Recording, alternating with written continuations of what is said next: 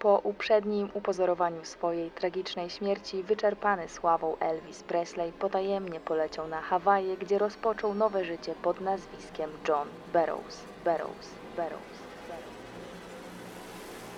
The crime you two planned was indeed perfect. Only the victim is alive and the murderers are not. It's a pity you didn't know when you started your game of murder that I was playing too.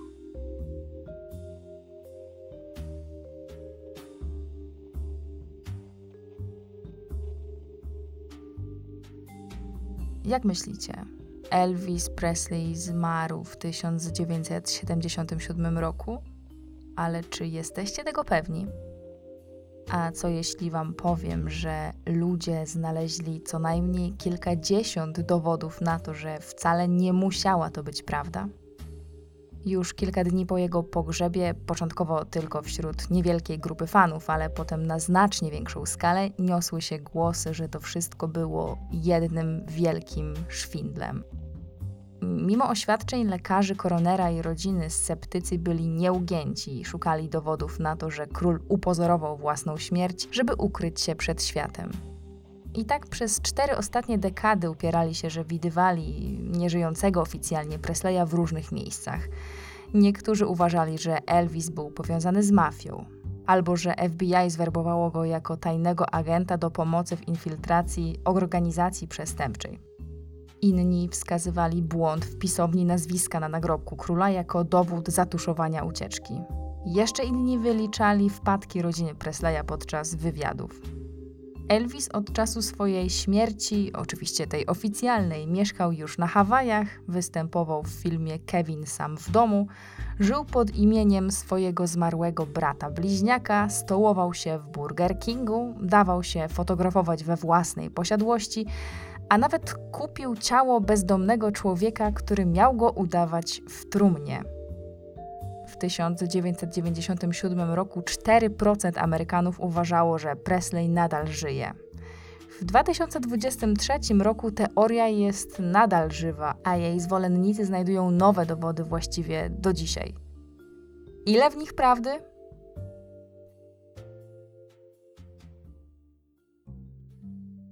Elvis Aaron Presley, syn Gladys i Vernona Presleyów, przyszedł na świat 8 stycznia 1935 roku w miasteczku Tupelo w stanie Mississippi. Był jednym z dwóch bliźniaków jednojajowych, a jego brat Jesse Garon urodził się martwy.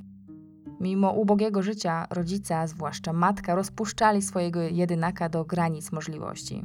Wychowywali go w wierze chrześcijańskiej, kładąc duży nacisk na to, żeby ich syn uczęszczał regularnie do kościoła i oczywiście znał na pamięć wszystkie religijne pieśni. I to właśnie w tej kościelnej atmosferze zrodziła się jego miłość do muzyki gospel, która potem wywrze wpływ na jego późniejszy styl wokalny. Szybko okaże się, że chłopiec ma talent i jest gwiazdą wszystkich kościelnych pikników. Jesienią 1948 roku, ze względu na rosnące problemy finansowe, rodzina przeprowadziła się do sąsiedniego stanu Tennessee, a konkretnie do Memphis. I to jest to miasto, które do dzisiaj najbardziej kojarzy się wszystkim z Presleyem. Nastolatkowi w nowym miejscu no, nie było łatwo. Koledzy nazywali go podobno mami synkiem, bo nadopiekuńcza matka miała go odprowadzać do szkoły. Nie podobał im się też jego dosyć ekscentryczny styl ubierania i długie włosy, bo Elvis w tamtym czasie zapuścił baki i zaczął stylizować włosy pomadą. A no i najważniejsze, niektórych drażniło, że chłopak nie rozstawał się ze swoją gitarą. Elvis nigdy się nie wstydził tego, jak wielką rolę w jego życiu odgrywa muzyka. Nigdy nie otrzymał formalnego wykształcenia muzycznego, nie potrafił czytać nut i grał ze słuchu. Wszystkiego właściwie nauczył się prawie sam. Całą wiedzę o muzyce również zdobył samodzielnie. W wolnym czasie odwiedzał sklepy z płytami, które udostępniały klientom szafy grające i kabiny odsłuchowe. Namiętnie słuchał regionalnych stacji radiowych, które odtwarzały bluesa i chodził do klubów bluesowych, w, oczywiście w wieczory przeznaczone wyłącznie dla białej publiczności, bo mieszkał na podlegającym segregacji rasowej południu. Zanim skończył szkołę średnią w 1953 roku, był pewien, że chce w życiu robić właśnie muzykę. Udało mu się nawet zaoszczędzić pieniądze, by nagrać prezent urodzinowy dla matki. Miało to być kilka piosenek nagranych w okolicznym studiu należącym do sama Philipsa, czyli Memphis Recording Service. Philips później założy legendarną wytwórnię Sun Records. Ostatecznie Elvis nagrał tam kilka piosenek, a jedna z kopii taśmy trafiła do samego Philipsa. Producent na początku nie był zainteresowany utworami, ale zaprosił Elvisa do dalszych nagrań. I podczas jednej z takich sesji chłopak zaczął nagle parodiować styl śpiewania Dina Martina i Billa Haley'a. A to zachęciło Philipsa do zaaranżowania mu spotkania z gitarzystą Scotty Moorem. I tym sposobem Elvis zaczął występować w klubach. W 1954 roku Phillips puścił jeden z coverów śpiewanych przez Elvisa w swoim programie radiowym. Słuchacze dzwonili do studia, żeby dowiedzieć się, kto jest właścicielem tego boskiego głosu. Większość z nich była w szoku, kiedy usłyszeli, że głos należy do białego mężczyzny. W tym samym roku Elvis wydał debiutancki singiel That's Alright Mama Blue Moon of Kentucky, który dotarł do trzeciego miejsca na liście Memphis Country Music. I tak się zaczęło. Powoli, powoli Presley stawał się coraz popularniejszy między Tennessee a zachodnim Teksasem. Tym sposobem swoją uwagę zwrócił na niego pułkownik Tom Parker, nazywany też z angielska kolonel Tom Parker. Parker to chyba jedna z najbardziej tajemniczych i jednocześnie najbardziej znienawidzonych przez fanów osoba z kręgu Presleya. W tamtym czasie niewiele wiedziano o życiu osobistym Parkera. Wiadome było, że służył w wojsku i dowodził bazą na Hawajach jako kapitan. Po odbyciu służby zamieszkał na Florydzie, gdzie zajął się pracą jako promotor cyrku. Potem dzięki poznaniu kogoś tam z wytwórni filmowej zamienił cyrk na reprezentowanie gwiazd show biznesu. Jednym z pierwszych artystów, jakiego rozpromował, był muzyk country Eddie Arnold.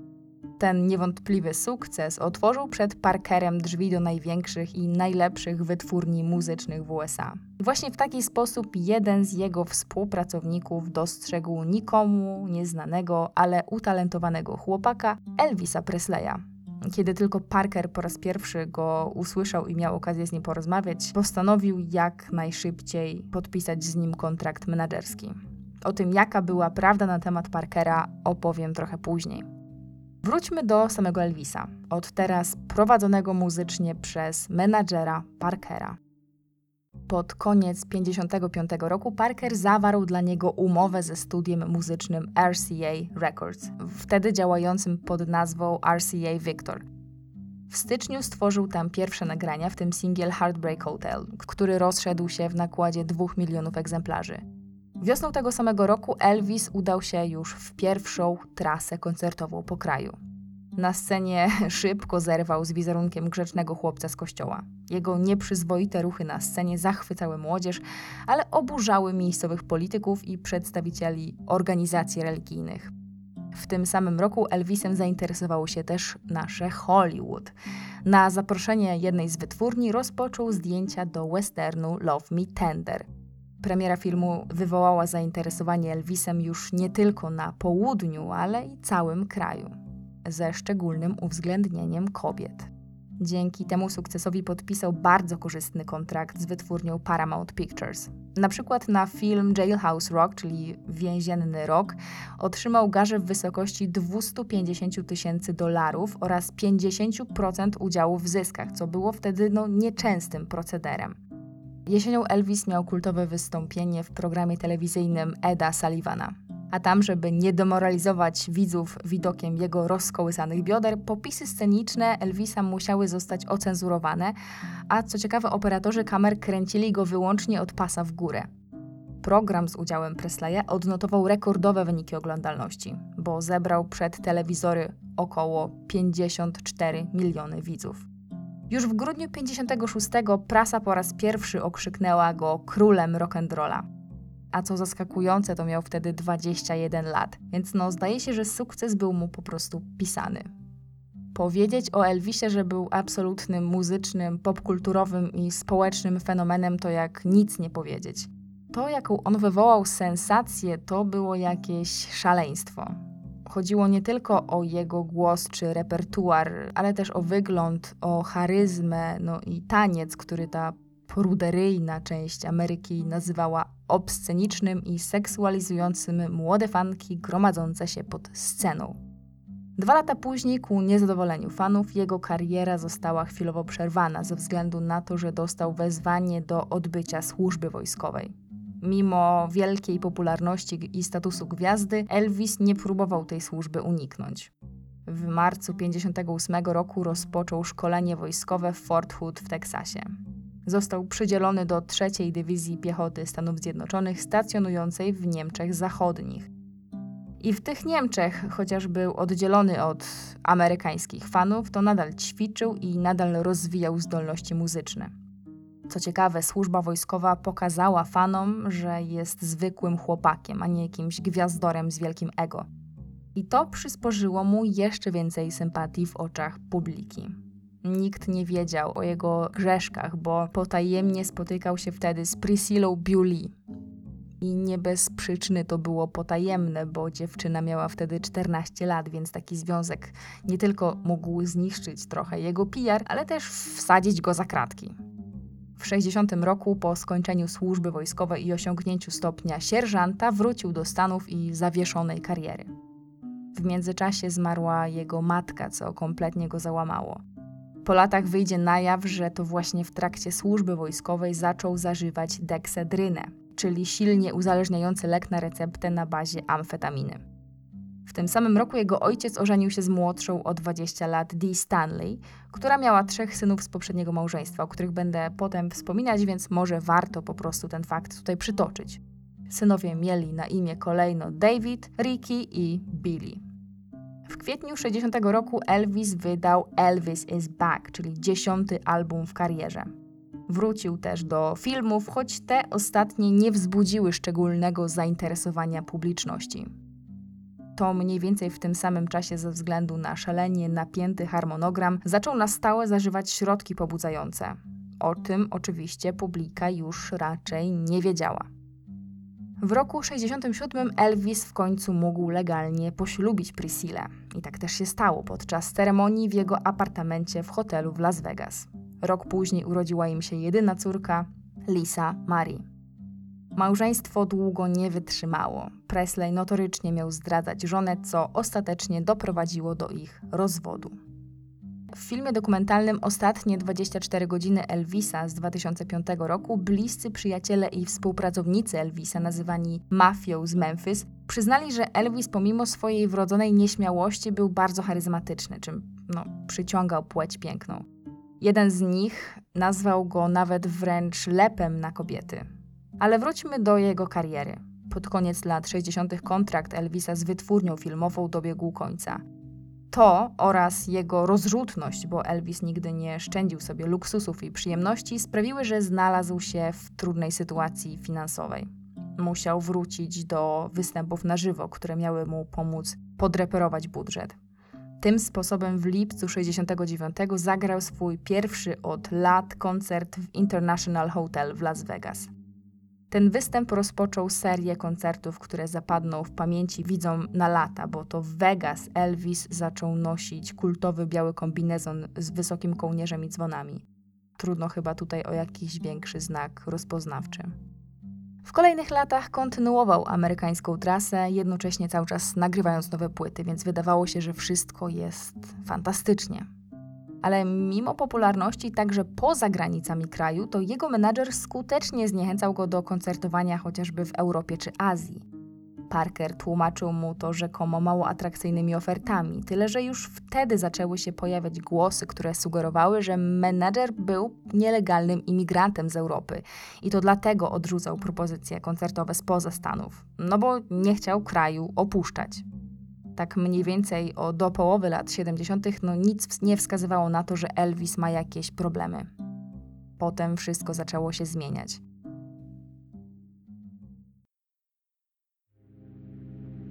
W 75 odwołał część trasy w Vegas z powodu przemęczenia. Kiedy już stawał na scenie, to ludzie no, zauważali u niego widoczną nadwagę. Ruchy Elvisa na scenie też nie przypominały tego dawnego, silnego i energicznego faceta. Widać było po prostu, że jest fizycznie wyczerpany. Czasem się chwiał, czasem bełkotał i nierzadko nie był w stanie dobrze zaśpiewać własnych piosenek.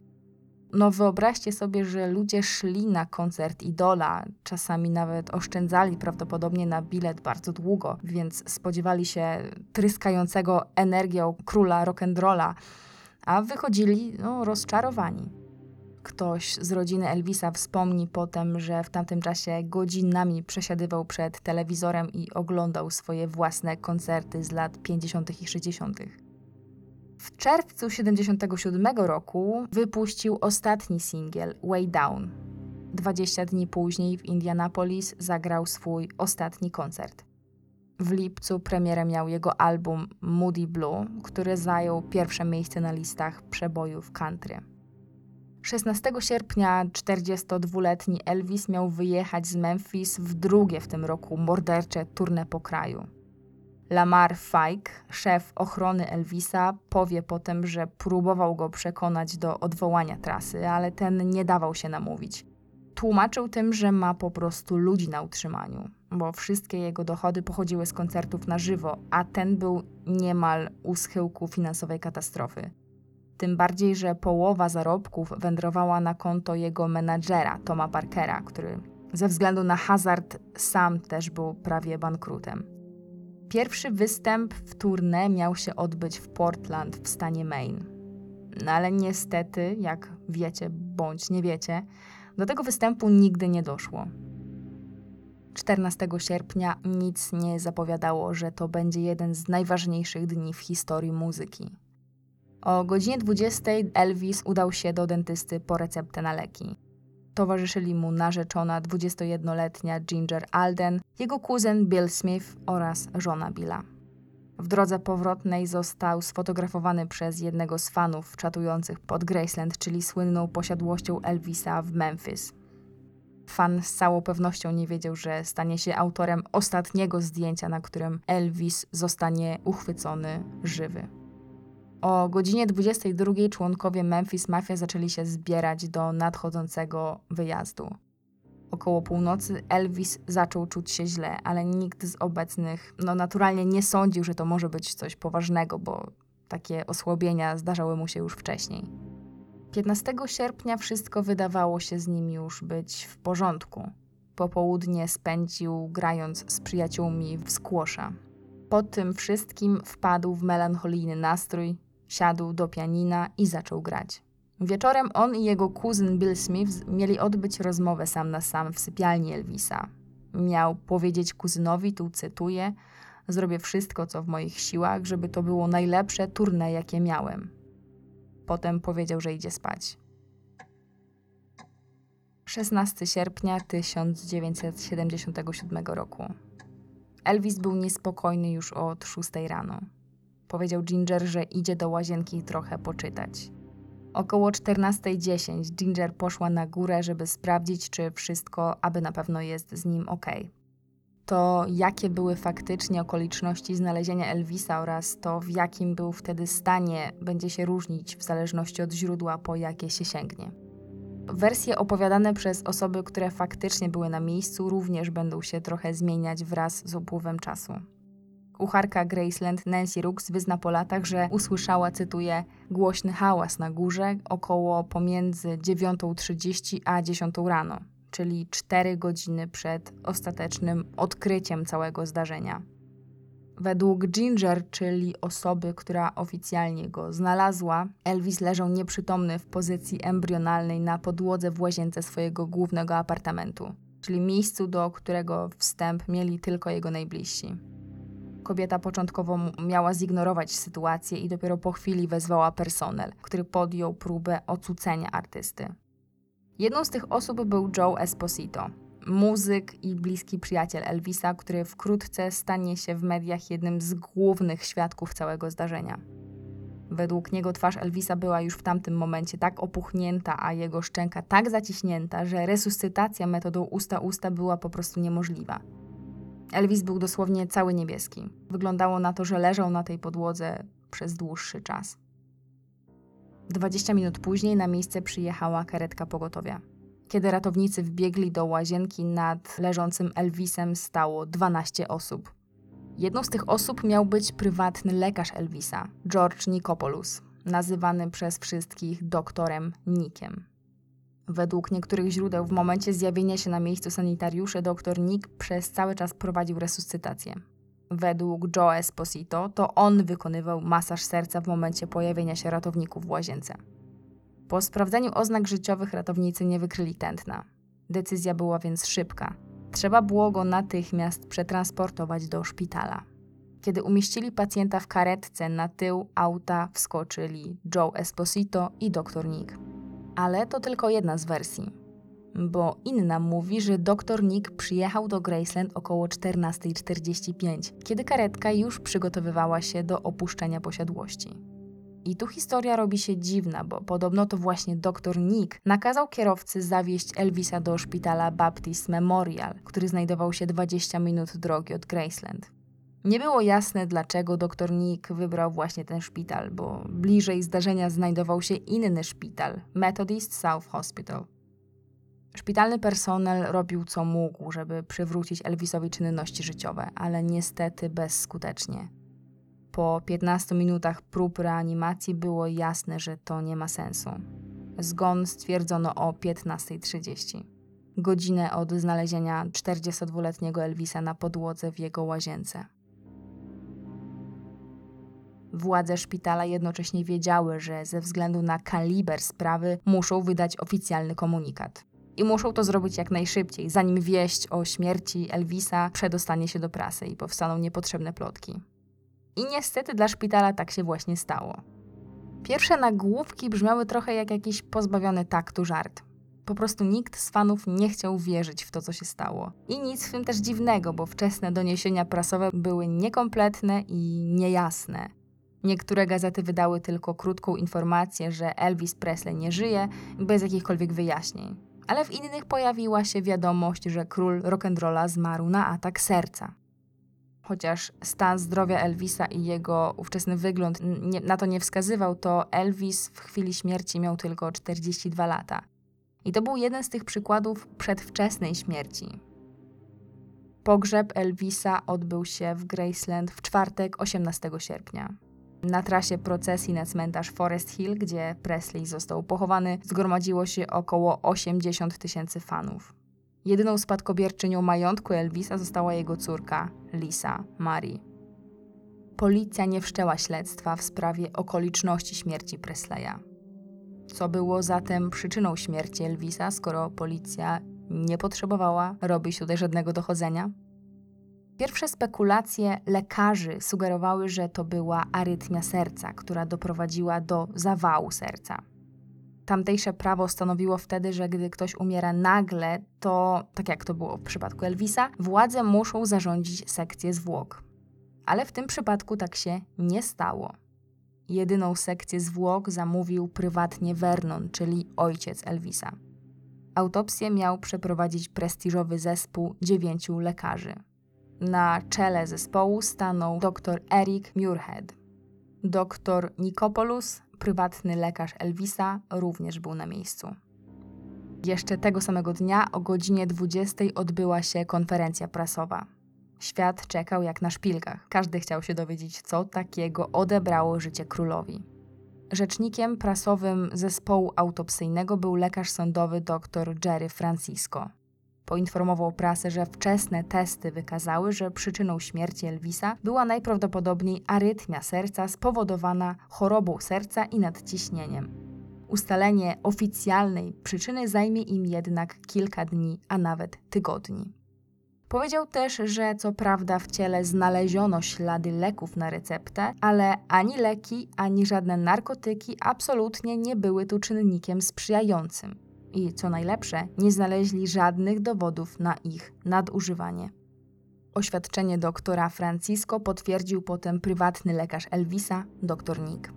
Powiedział mediom, że nie sądzi, by piosenkarz miał problemy z lekami. Przed śmiercią Elvis borykał się z różnymi problemami zdrowotnymi i w ciągu ostatnich pięciu lat był hospitalizowany czterokrotnie w celu leczenia nadciśnienia i powiększonej okrężnicy. Cierpiał też na cukrzycę i miał problemy z wątrobą. Przez wiele lat utrzymywał fatalną tłustą dietę. No, przy takim stanie zdrowia i trybie życia problemy z sercem nie były niczym dziwnym i nie potrzeba tutaj było nawet żadnego uzależnienia czy nadużywania leków. Niektórzy fani to przyjęli, inni wręcz przeciwnie.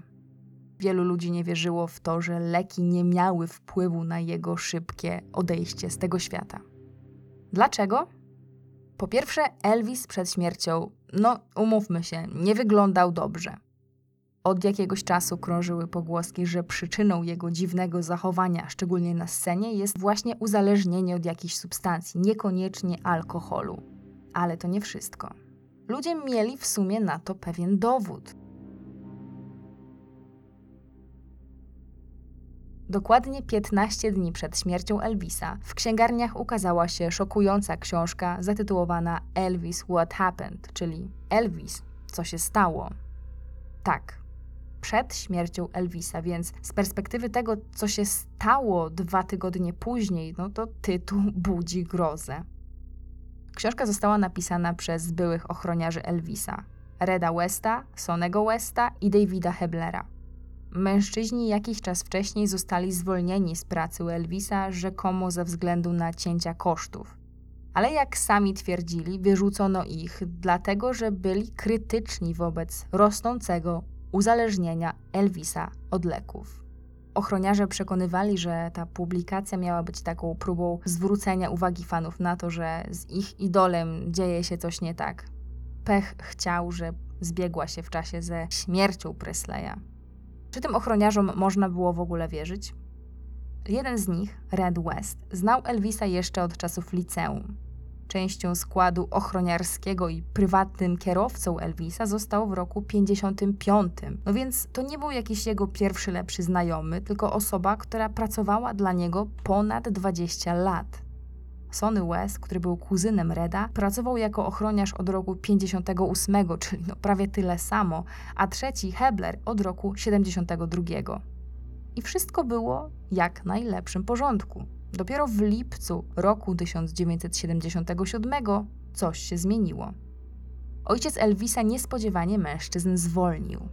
Powody zwolnienia opisywane są różnie, w zależności od tego, kto o te powody był pytany. Na przykład Elvis i jego ojciec stwierdzili, że to były kwestie czysto finansowe i to był po prostu czysty biznes ale sami zainteresowani i kilka osób z kręgu Elvisa podejrzewali, że przyczyną zwolnienia był fakt, że oni właściwie jako jedyni albo jedni z nielicznych przeciwstawiali się narastającej lekomanii, która niszczyła zdrowie i życie muzyka. Elvis miał być dla doktora Nika, czyli tego prywatnego doktora, oraz pułkownika Parkera, czyli jego menadżera, maszynką do zarabiania pieniędzy. No, nikomu z nich nie zależało na tym, żeby wyciągać go z uzależnienia, wręcz przeciwnie. A kiedy ochroniarze, którzy byli jego przyjaciółmi, no to mieli szczere intencje, próbowali się temu wszystkiemu przeciwstawiać, to zostali, krótko mówiąc, odesłani z kwitkiem. Jak twierdzili, intencją napisania książki nie była chęć zarobku czy zemsta, a taka interwencja. Tu cytuję wywiad z jednym z nich. Chcieliśmy skłonić Elvisa do zmierzenia się z rzeczywistością i zrobienia czegoś z jego destrukcyjnym stylem życia, zanim będzie za późno. No i co tu dużo mówić. Było niestety za późno. Elvis na wieść o książce wpadł w furię, jego menadżer próbował nawet powstrzymać publikację, ale no na próżno. I być może nawet PR-owa ekipa Elvisa próbowałaby przekonać fanów do tego, że rewelacje z książki to bójda wyssana z palca, Gdyby nie jeden fakt. Gdyby nie to, że Elvis rzeczywiście zmarł, a wiele wskazywało na to, że leki mogły się do tej śmierci właśnie przyczynić. Oliwie do ognia dolał kontrowersyjny artykuł w gazecie National Enquirer. Tekst zszokował nie tylko zrobionym z ukrycia zdjęciem Elvisa w trumnie, ale też powtórzeniem, a raczej nawet uszczególnieniem doniesień o nadużywaniu przez niego leków. No tyle, że co z tego? Ludzie coś tam sobie pogadali, część popłakała, a kto nie wierzył w oficjalną przyczynę śmierci, to sobie nie wierzył. I tyle. Ale już dwa lata później telewizja ABC 2020 wyemitowała dokument na temat śmierci Elvisa, a konkretnie na temat prawdziwej przyczyny jego śmierci. No i to był szok. I teraz pozwólcie, że się skłonimy ku temu programowi, bo on będzie dobrym wstępem do naszej opowieści. Program opiera się na śledztwie słynnego Geraldo Riviery i powstał na bazie książki opublikowanej jakiś czas wcześniej, zatytułowanej Śmierć Elvisa co tak naprawdę się stało, autorstwa Charlesa Thompsona i Jamesa Cola. Thompson jest jednocześnie producentem tego dokumentu ABC 2020. Reportaż zaczyna się od informacji, że Tennessee Board of Health, czyli taka Rada Zdrowia stanu Tennessee, rozpoczęła dochodzenie w sprawie śmierci Elvisa Presleya i wszczęła postępowanie przeciwko doktorowi Nickowi, czyli przypomnę prywatnemu lekarzowi Elvisa. Za co było to postępowanie? Otóż za przepisywanie jednocześnie stymulantów, środków uspokajających oraz leków przeciwbólowych, które Elvis miał zażywać w kolosalnych ilościach i które mogły doprowadzić bezpośrednio do jego śmierci. Dokument zbiera w całość wszystko, co porusza książka i dokładając do tego wywiady z prawdziwymi lekarzami i prawdziwymi członkami zespołu, który przeprowadzał sekcję zwłok Elvisa. Więc wróćmy na chwilę do tego momentu, czyli do roku 77 i do czasu, w którym stwierdzono zgon. Jak dowiadujemy się z reportażu, Dan Warlick, który pracował wtedy w biurze lekarzy sądowych i miał się zająć sprawą Elvisa, otrzymał notatkę na temat jego śmierci od policji. Brzmiała ona, tutaj cytuję, EPOD-DOA-BMH, czyli Elvis Presley Overdose Death on Arrival Baptist Memorial. Elvis Presley zmarły po przedawkowaniu w szpitalu Baptist Memorial Hospital. To by sugerowało, że policja, mimo że nigdy nie prowadziła żadnego śledztwa, to podejrzewała, że przyczyną śmierci Elvisa było właśnie przedawkowanie. Ale to nie koniec. Dowiadujemy się też, że lekarze, którzy próbowali ratować Elvisa w szpitalu, od początku podejrzewali właśnie przedawkowanie leków. Podobnie było z lekarzami, którzy przeprowadzali sekcję zwłok. Autopsją miał kierować dr Eric Muirhead, który potem będzie określał sekcję jedną z najbardziej kompletnych i skrupulatnych sekcji zwłok, jakie kiedykolwiek wykonał w swojej karierze. Podczas sekcji lekarze nie stwierdzili żadnych objawów udaru czy niewydolności serca. Owszem, Elvis był chory na cukrzycę, a jego serce było powiększone, ale według lekarzy nie było żadnych poważniejszych chorób, które mogły wywołać oficjalną przyczynę jego śmierci. W organizmie Denata znaleziono natomiast ślady kilkunastu leków, w tym kilku barbituranów i innych substancji w znaczących ilościach. Patolog, który przeprowadzał sekcję, uznał, że taka kombinacja musiała się okazać śmiertelna. Wszystko wskazywało na długotrwałe zażywanie silnych leków na receptę. Zespół doszedł do wniosku, że to najprawdopodobniej właśnie uzależnienie od leków doprowadziło bezpośrednio do śmierci muzyka. Aby ostatecznie to potwierdzić i nie rzucać słów na wiatr, lekarze zlecili dodatkowe badania toksykologiczne. Wyniki badań mieli otrzymać za kilka tygodni. Zdecydowali, że zanim nie otrzymają wyników badań toksykologicznych, to ogłoszą mediom po prostu, że Elvis zmarł z przyczyn naturalnych, żeby nie siać fermentu w mediach i nie powodować niepotrzebnych spekulacji, które będą musieli potem odkręcać. Ale tu na chwilę się zatrzymajmy bo przecież, jak wspomniałam wcześniej, jeszcze tego samego dnia, w którym przeprowadzono sekcję, odbyła się oficjalna konferencja z medykami szpitala, na której, co ciekawe, kontrolę nad tą konferencją przejął lekarz dr Jerry Francisco. Uwaga, uwaga, mimo że nie uczestniczył osobiście przy sekcji. Opowiedział mediom inną wersję wydarzeń niż ta, którą ustalili jego koledzy i to bez konsultowania się z zespołem, który rzeczywiście przeprowadzał autopsję. Francisco ogłosił więc światu to, co gazety będą przedrukowywać jako oficjalną przyczynę śmierci Elvisa, czyli że zmarł z powodu zawału serca spowodowanego arytmią i że nie znaleziono żadnych dowodów na nadużywanie leków, a farmaceutyki odkryte w ciele Denata nie były w stężeniach wystarczająco wysokich, aby do tej śmierci doprowadzić. Jak dowiadujemy się z dokumentu, dr Muirhead, który osobiście dowodził autopsją oraz cały jego zespół byli no, zaskoczeni oświadczeniem doktora Francisco. Francisco nie tylko przemówił w imieniu całego szpitala, mimo że nie było go przy sekcji, ale jego wniosek kompletnie nie zgadzał się z tym, co rzeczywiście ustalono. Producenci tego dokumentu prosili doktora Francisco o komentarz, dlaczego zdecydował się wygłosić sprzeczne z prawdą oświadczenie, ale lekarz odmówił udzielania odpowiedzi, więc możemy się tylko domyślać. To jeszcze nie koniec. Noel Florendo, czyli jeden z lekarzy obecnych przy autopsji, zgodził się udzielić wywiadu telewizji. Czego się od niego dowiadujemy? Otóż dwa miesiące po sekcji w końcu otrzymano wyniki raportu toksykologicznego, na który lekarze czekali. I tam okazało się, że lekarze badający ciało Elvisa mieli rację. Raport ujawnił wysoki poziom środków farmaceutycznych w organizmie, a lista wykrytych leków jest tak długa, że przeraża. Dr Florendo sugeruje, że według niego Elvis zmarł w wyniku reakcji różnych farmaceutyków. Autorzy dokumentu dotarli do informacji, że na krótko po tym, jak ciało Elvisa trafiło do szpitala, to cała zawartość jego żołądka została wypompowana i zniszczona bez jakiejkolwiek analizy. A podkreślę tylko, że w takich przypadkach zawartość żołądka jest szalenie istotna podczas ustalania przyczyny śmierci. Przez kilka kolejnych tygodni od otrzymania raportu toksykologicznego do mediów wyciekały spekulacje o tym, że to właśnie leki mogły być przyczyną, albo przynajmniej jedną z wielu przyczyn śmierci Elvisa. Na skutek tych plotek dr Francisco, jakby nie było osoba odpowiedzialna za to całe zamieszanie, postanowił zwołać kolejną konferencję prasową.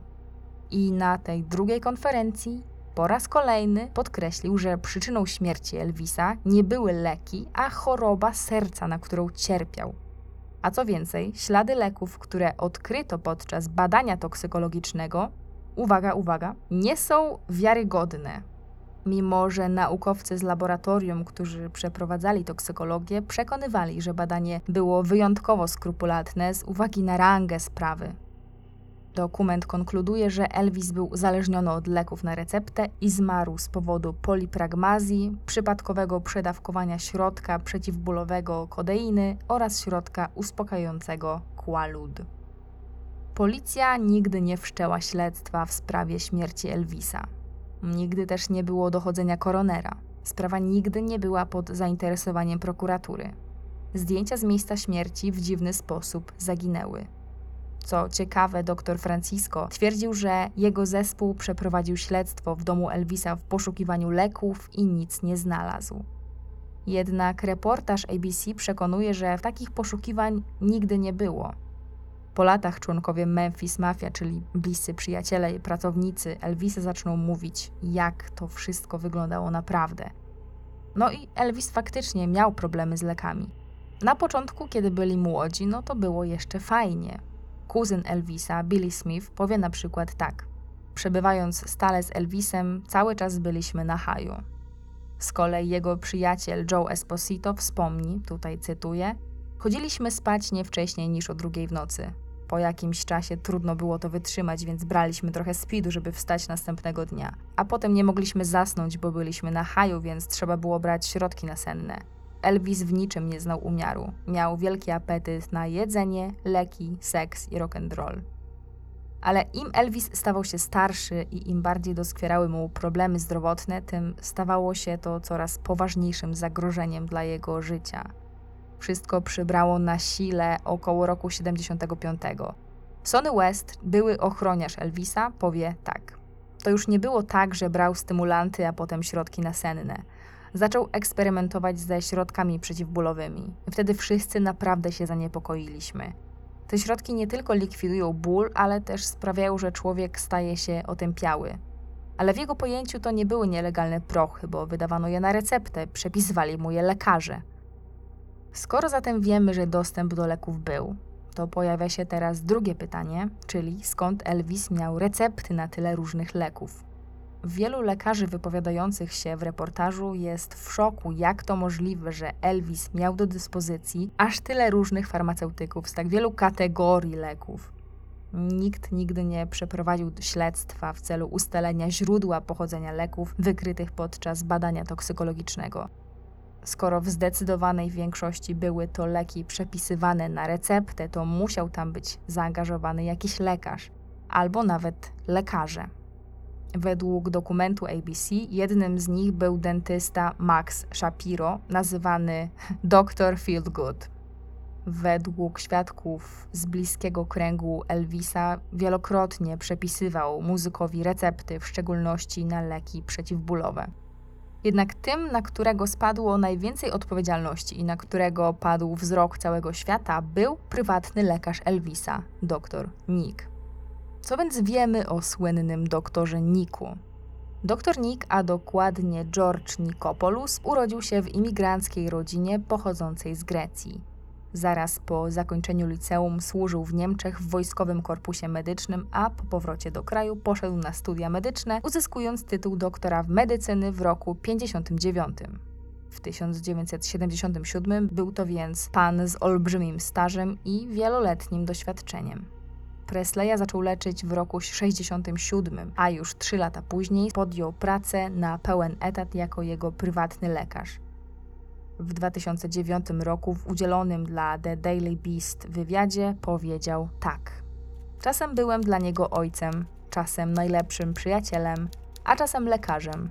Odgrywałem każdą rolę, jakiej potrzebował. Przez całe lata 70. to nikt inny, a właśnie dr Nick jeździł z Presleyem w trasy i to on odpowiadał za przepisywanie Elvisowi różnych leków.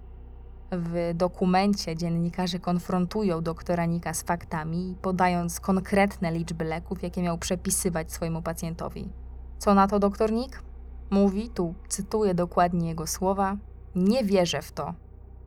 Jeszcze w trakcie trwania pracy nad reportażem Rada Zdrowia stanu Tennessee wszczęła oficjalne postępowanie przeciwko doktorowi Nickowi za przepisywanie leków na receptę bez medycznego uzasadnienia.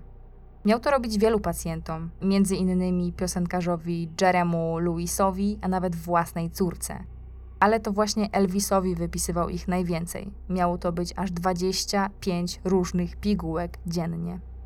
Reportaż ujawnił, że praca dla Elvisa była głównym źródłem utrzymania lekarza, który w tamtym momencie miał poważne problemy finansowe. Dodatkowo był winien Elvisowi ponad 300 tysięcy dolarów. Doktor Nick przyznał się do wypisywania recept. Na swoją obronę twierdził, że muzyk był tak uzależniony od leków, że przepisywał mu farmaceutyki tylko po to, by utrzymać go z dala od, tu cytuję, bardziej niebezpiecznych narkotyków ulicznych. Według niego dzięki lekom na receptę kontrolowanie uzależnienia Elvisa było jakkolwiek możliwe. To śledztwo potwierdziło więc dwie rzeczy. Po pierwsze, Elvis był uzależniony od leków, a po drugie w ciągu ostatnich miesięcy trzykrotnie był hospitalizowany i przechodził detoksyfikację. Doktor Nick stracił licencję do wykonywania zawodu na trzy miesiące, ale jego problemy z prawem dopiero się zaczęły.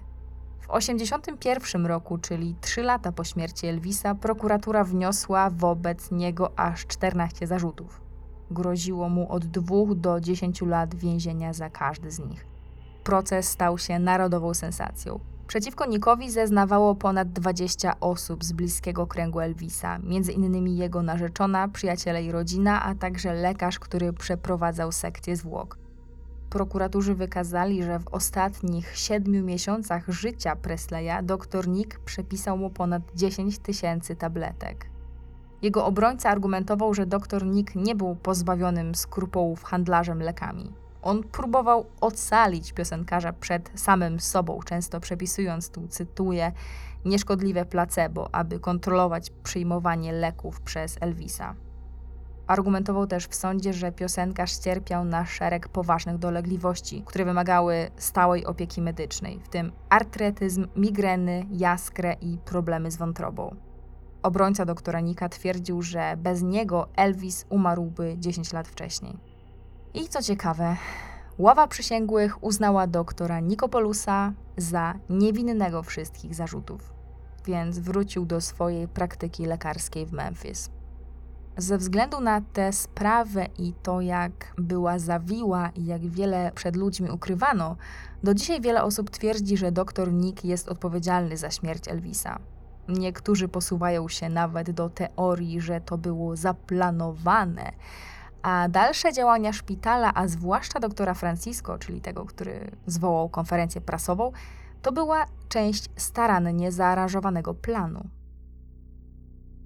Tutaj być może w głowach wielu z Was pojawia się pytanie: gdzie te teorie spiskowe? Jak to możliwe, że skoro spekulacje na temat okoliczności śmierci, podkreślam fizycznej śmierci Elvisa Presleya, były tak głośnym i nośnym tematem przez tyle czasu, no to jak to możliwe, że jakiekolwiek pogłoski o tym, że on w ogóle nie umarł, mogły tu mieć miejsce? Tu przyczyn jest mnóstwo. Jedną z nich jest fakt, że raport z sekcji zwłok nie jest dostępny do wglądu publicznego. Bo wiadomo, gdyby taki raport był jawny, to rozwiałoby to mnóstwo wątpliwości. A więc skoro dokumentu nie ma, no to być może wcale takiej śmierci nie było. To, dlaczego raport nie jest upubliczniony, też budzi kontrowersje, chociaż sama nie jestem pewna, czy powinno. Dlatego, że ze względu na fakt, że sekcja zwłok Elvisa była inicjowana przez jego ojca, to nie może być upubliczniona teraz bez zgody rodziny. Co ciekawe, wydawcy tego dokumentu ABC, o którym wspominałam, pozwali nawet Elvis Presley Estate i próbowali uzyskać kopię raportu z sekcji, ale przegrali w sądzie.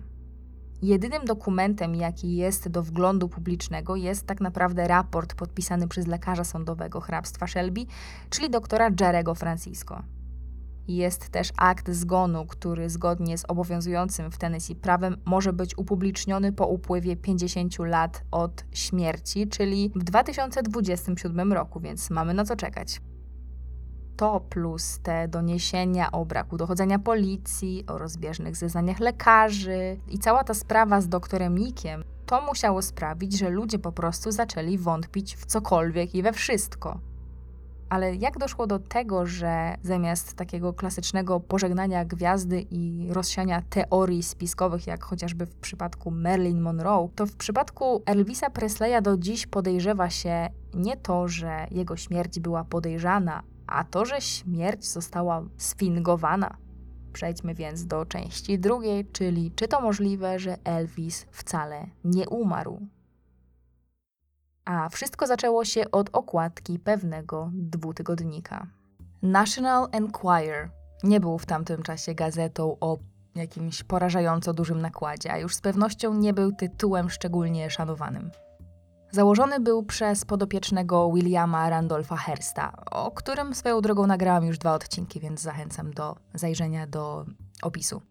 Początkowo był zwykłym dwutygodnikiem z newsami, ale w latach 50. gazeta zmieniła profil na sensacyjno-tabloidowy. I tak już w latach 70., czyli czasach, w których się właśnie znajdujemy, Enquirer prezentował czytelnikom głównie historie o celebrytach, okultyzmie i UFO. Taki ciekawy miks dla każdego, kto w szafie trzyma foliową czapeczkę. I chociaż właściciel tego tygodnika robił co mógł, żeby jakoś przeskoczyć próg nakładu wynoszący wtedy 1 milion egzemplarzy, no to nie był w stanie. Do czasu. 6 września 1977 roku Enquirer pojawił się bowiem na ustach wszystkich. Na okładkę wrześniowego numeru trafiło olbrzymie zdjęcie twarzy zmarłego Elvisa leżącego w trumnie. Nagłówek głosił, tu cytuję, Elvis The Untold Story, czyli Elvis Nieopowiedziana Historia, a niżej był podpis Ostatnie zdjęcie.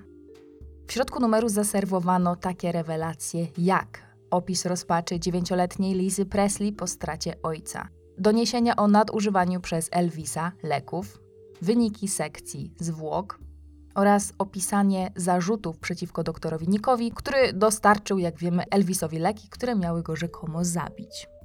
Warto tu też wspomnieć, jak gorąca była wtedy walka między wszystkimi tytułami mediowymi o jakiekolwiek sensacyjne wieści na temat śmierci Elvisa. Redakcja Enquira robiła wszystko, żeby wyciągnąć od kogokolwiek i cokolwiek, co miało tylko związek z Elvisem. Jeden z dziennikarzy posunął się na przykład do wizyty u dentysty, który leczył Presleya na dzień przed jego śmiercią. Usiłował przekupić lekarza i proponował intratny zarobek w zamian za udzielenie mu ekskluzywnego wywiadu. Inny redaktor zaoferował pracownikowi szpitala Baptist Memorial 10 tysięcy dolarów za dokumenty medyczne Presleya. No, było gorąco. Oczywiście w tamtym czasie każdy w redakcji, łącznie z właścicielem gazety, odmawiał udzielenia informacji, skąd zdjęcie z okładki trafiło w ich posiadanie. O historii tej okładki dowiedzieliśmy się lata później z biografii czołowego redaktora tej gazety, Iana Caldera. Przyznał, że to on zapłacił 18 tysięcy dolarów za wykonanie zdjęcia Elvisa w trumnie. Komu? Bilemu Manowi, który był dalekim kuzynem Elvisa. 17 sierpnia, czyli w noc poprzedzającą pogrzeb, Mann przemycił do Graceland miniaturowy aparat i zrobił zdjęcie ciału spoczywającemu w trumnie. Te 18 tysięcy dolarów okazało się inwestycją doskonałą, bo wrześniowy numer sprzedał się w nakładzie 6 milionów egzemplarzy, czyli sześciokrotnie wyższym niż dotychczasowa sprzedaż gazety. I z jednej strony szokujące były już same okoliczności pozyskania zdjęcia. Wiecie, to było pierwsze zdjęcie po śmierci i jednocześnie ostatnie zdjęcie w ogóle Elvisa Presleya. Dla wielu osób ta okładka była przekroczeniem pewnej granicy prywatności i dobrego smaku, no i trudno się dziwić. Ale z drugiej strony okładka rodziła więcej pytań niż odpowiedzi, bo wielu fanów mniejszych i większych zauważyło, że ten Elvis w trumnie jakoś tak nie Elvisowo wygląda. Poruszano temat zupełnie innego kształtu nosa, zbyt ciemnych włosów i ogólnie tego, że twarz wyglądała owszem może jak Elvis, ale Elvis sprzed co najmniej kilku, jak nie kilkunastu lat. Teraz słuchacze na YouTubie widzą to zdjęcie na ekranie. Okładka trafiła na podatny grunt, bo mnóstwo fanów Elvisa nie było w stanie przyjąć do wiadomości, że król, który miał być przecież wiecznie żywy, okazał się zwykłym śmiertelnikiem. Co więcej, śmiertelnikiem, który pożegnał się ze światem podejrzanie za wcześnie. Nie trzeba było długo czekać na pierwsze publikacje zbierające te nieścisłości w całość. Jedną z pierwszych, do jakich się dokopałam, była drukowana broszura zatytułowana Elvis Presley, martwy czy żywy, napisana przez detektywa ze stanu Tennessee, Willa Jima. Jima jako jeden z pierwszych otwarcie zasugerował, że być może Elvis wcale nie umarł, a sfingował swoją śmierć, a teraz ukrywa się gdzieś przed światem. Ale nie podał żadnych dowodów na obronę tej swojej teorii, więc te domysły szybko zostały zdyskredytowane. No bo podejrzanie wyglądające zdjęcie to jedno, ale to dopowiedzenie sobie całej historii, że gość udaje zmarłego i ucieka przed światem, to już drugie. Kiedy zaczęłam grzebać w temacie, okazało się, że pan Will Jima już wcześniej zasłynął z rozsiewania teorii spiskowych.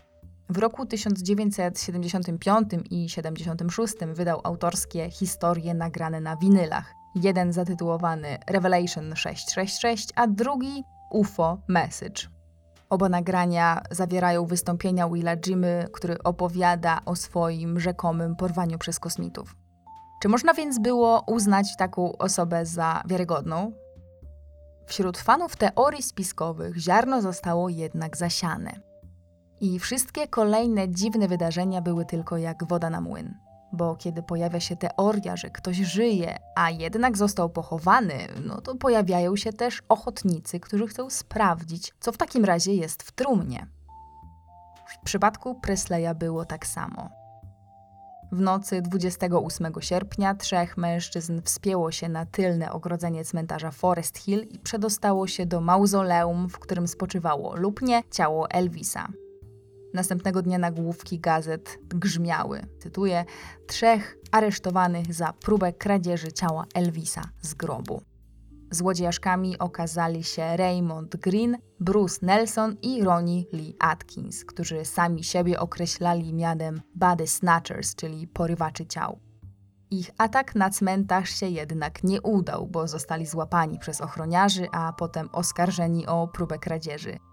Tyle, że prokuratura nie miała na nich właściwie nic, Okazało się, że byli nieuzbrojeni, nie mieli żadnych narzędzi włamaniowych czy materiałów wybuchowych. Szef policji będzie potem komentował w mediach, tutaj cytuję: Cały ten bałagan jest tajemnicą.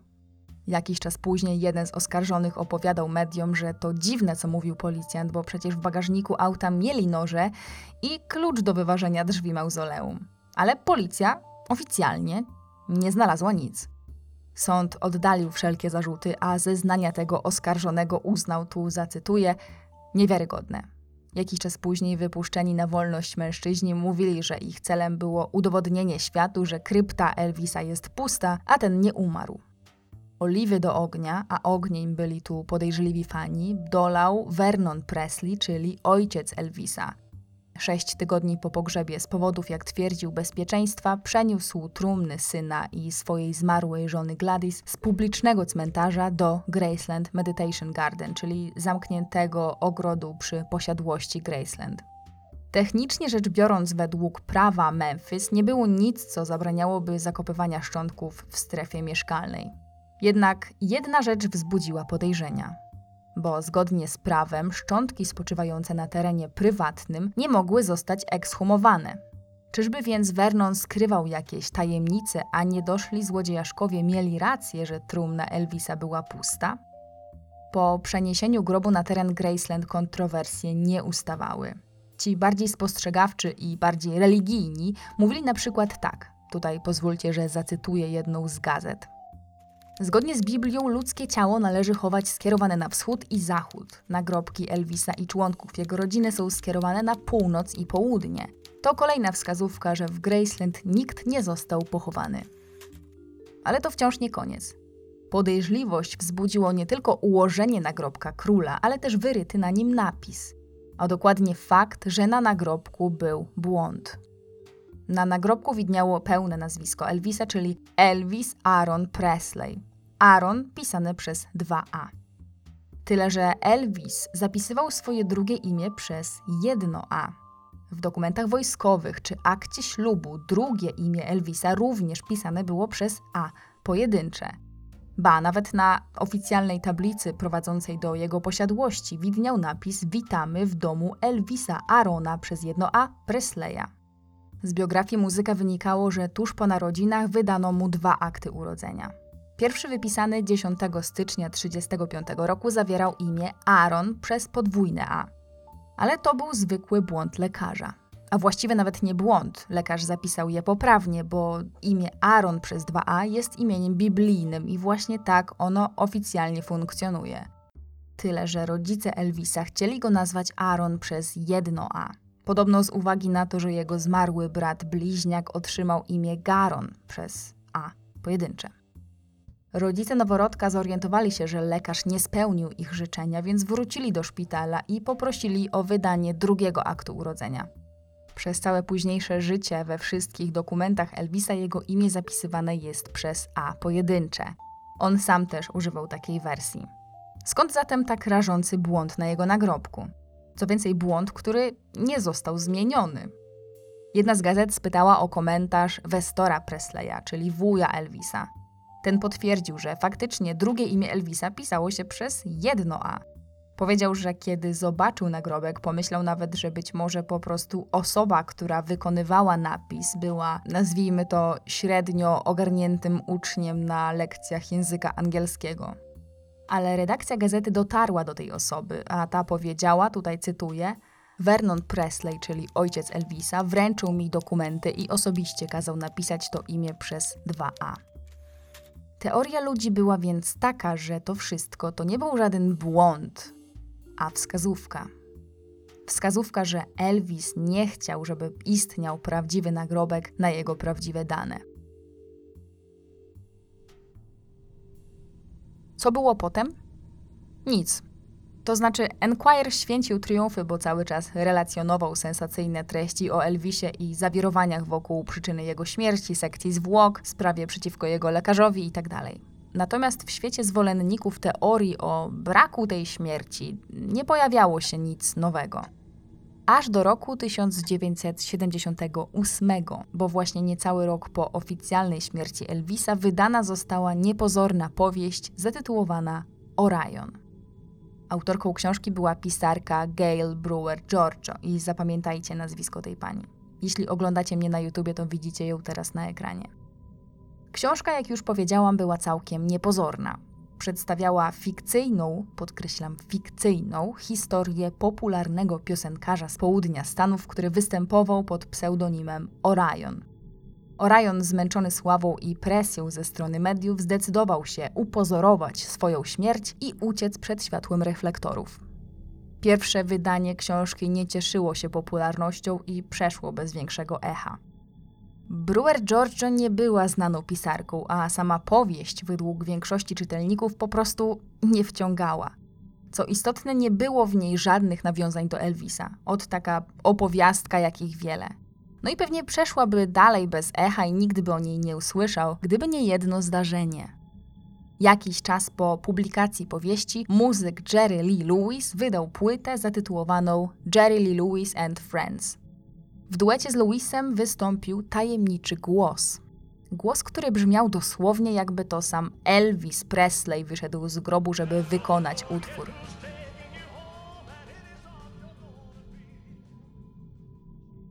W grudniu tego samego roku znalazł się na listach przebojów. Głos w dość krótkim czasie zyskał popularność, w większości wśród fanów, którzy byli przekonani, że należał właśnie do Elvisa, zmarłego Elvisa.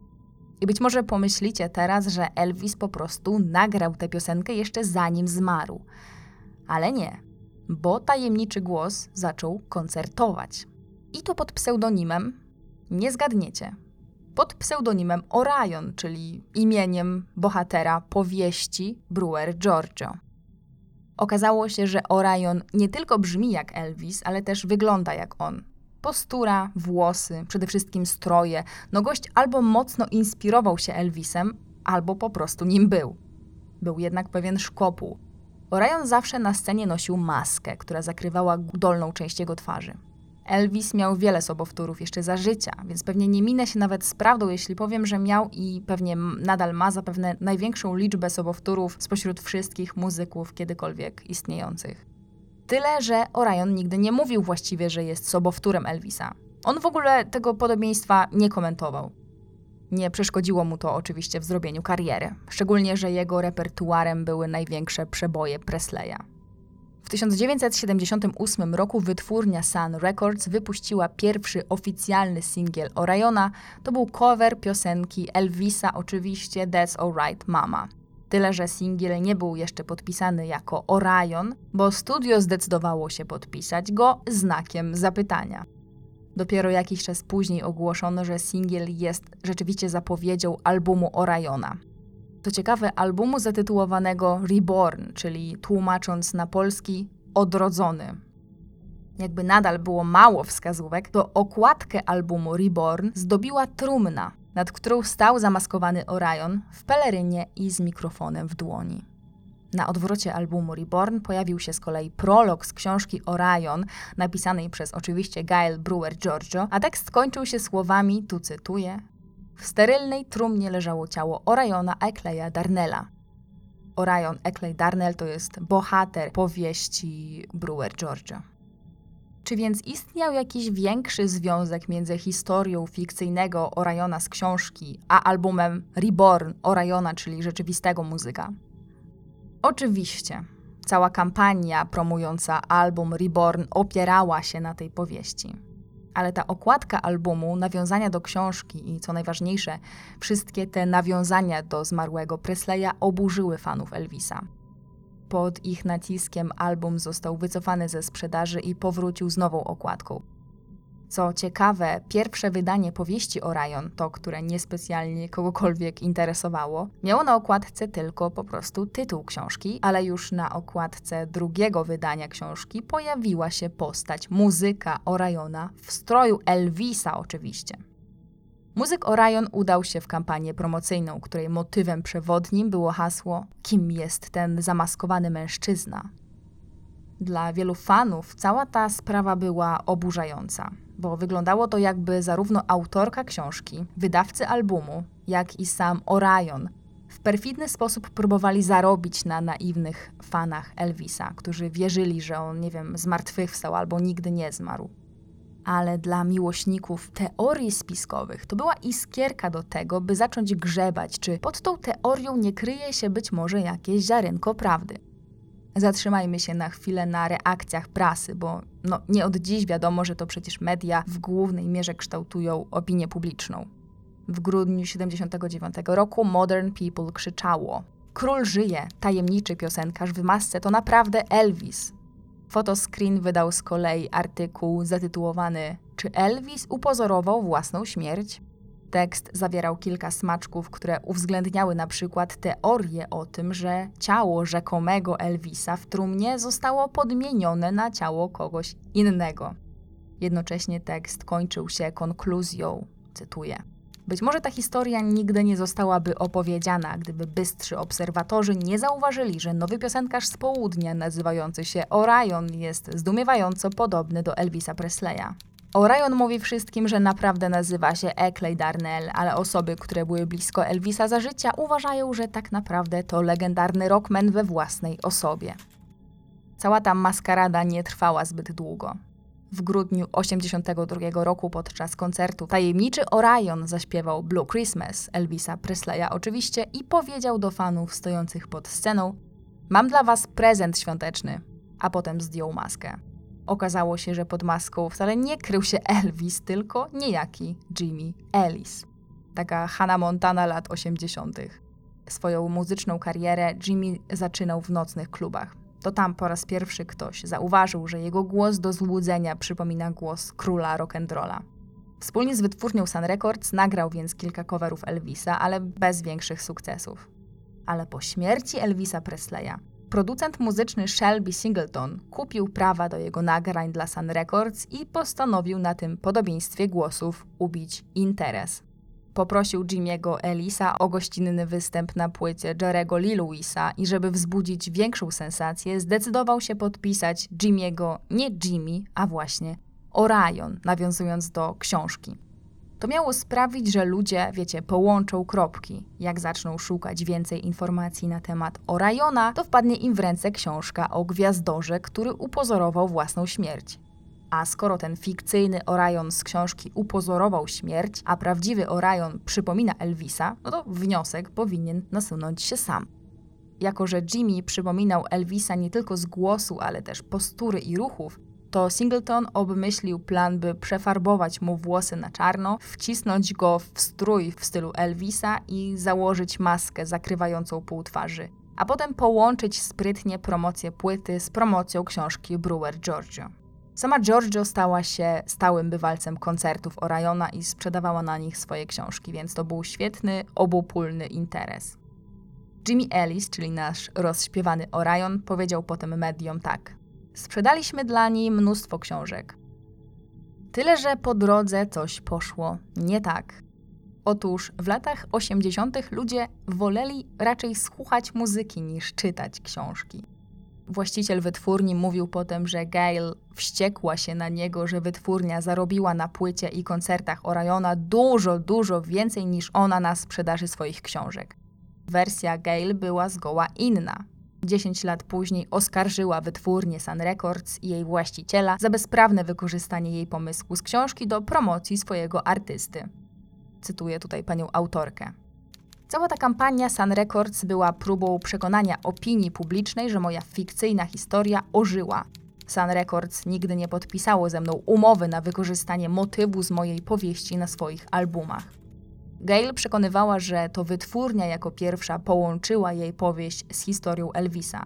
Ona po prostu napisała zmyśloną opowiastkę i nigdy nawet nie pomyślała o tym, że ktoś pomyśli, że może dotyczyć Presleya. Podobno wytwórnia od początku chciała zarobić na naiwnych fanach, wciskając im, że ich król wcale nie umarł. Ale w tych tłumaczeniach zapomniała dodać, że ona sama zamieściła Jimmy'ego Elisa, a.k.a. Oriona, na okładce swojej książki, którą potem ochoczo sprzedawała na jego koncertach. Taki mały szczegół. Ale rzeczywiście, przez kilka lat płodna kariera Oriona przyniosła wytwórni mnóstwo pieniędzy i wielu ludzi wierzyło, że zamaskowany piosenkarz to właśnie Elvis. Przed tą oficjalną demaskacją, i to dosłowną, krążyły nawet głosy, że Orion często odwiedzał Graceland. Jednak po pewnym czasie Jimmy'ego zmęczyło występowanie na scenie i podtrzymywanie plotek, że jest Elvisem. Chciał być traktowany poważnie i robić karierę jako Jimmy Ellis, po odsłonięciu twarzy udzielił wielu wywiadów, w których podkreślał, że Orion był dla niego tylko osobowością sceniczną. Co na taką kawę na ławę powiedzieli fani teorii spiskowych? No, jak to fani teorii spiskowych? Nie uwierzyli.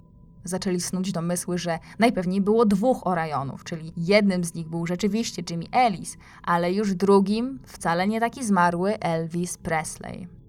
Inni fantazjowali, że Jimmy Ellis był w rzeczywistości Elvisem, ale przeszedł operacje plastyczne, żeby nie przypominać prawdziwego siebie. Tylko jaki byłby sens, żeby Elvis sfingował swoją śmierć, a potem przechodził poważne operacje, by nie wyglądać jak Elvis, tylko po to, żeby podawać się za muzyka, który udaje, że jest Elvisem?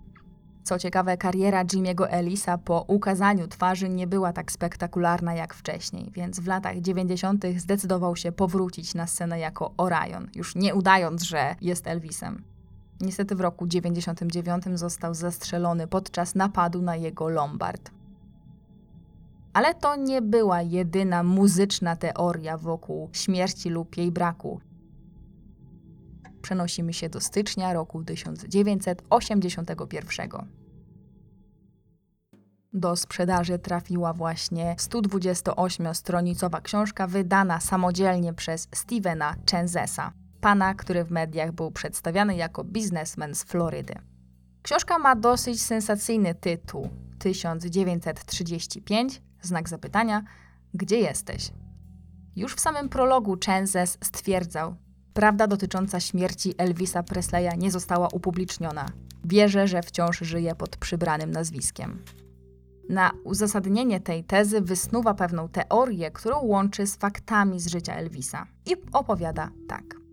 Pod koniec lat 60. ostatnie filmy Elvisa były finansowymi niewypałami. Ludzie śmiali się, że produkcje nie spodobały się nawet zagorzałym fanom.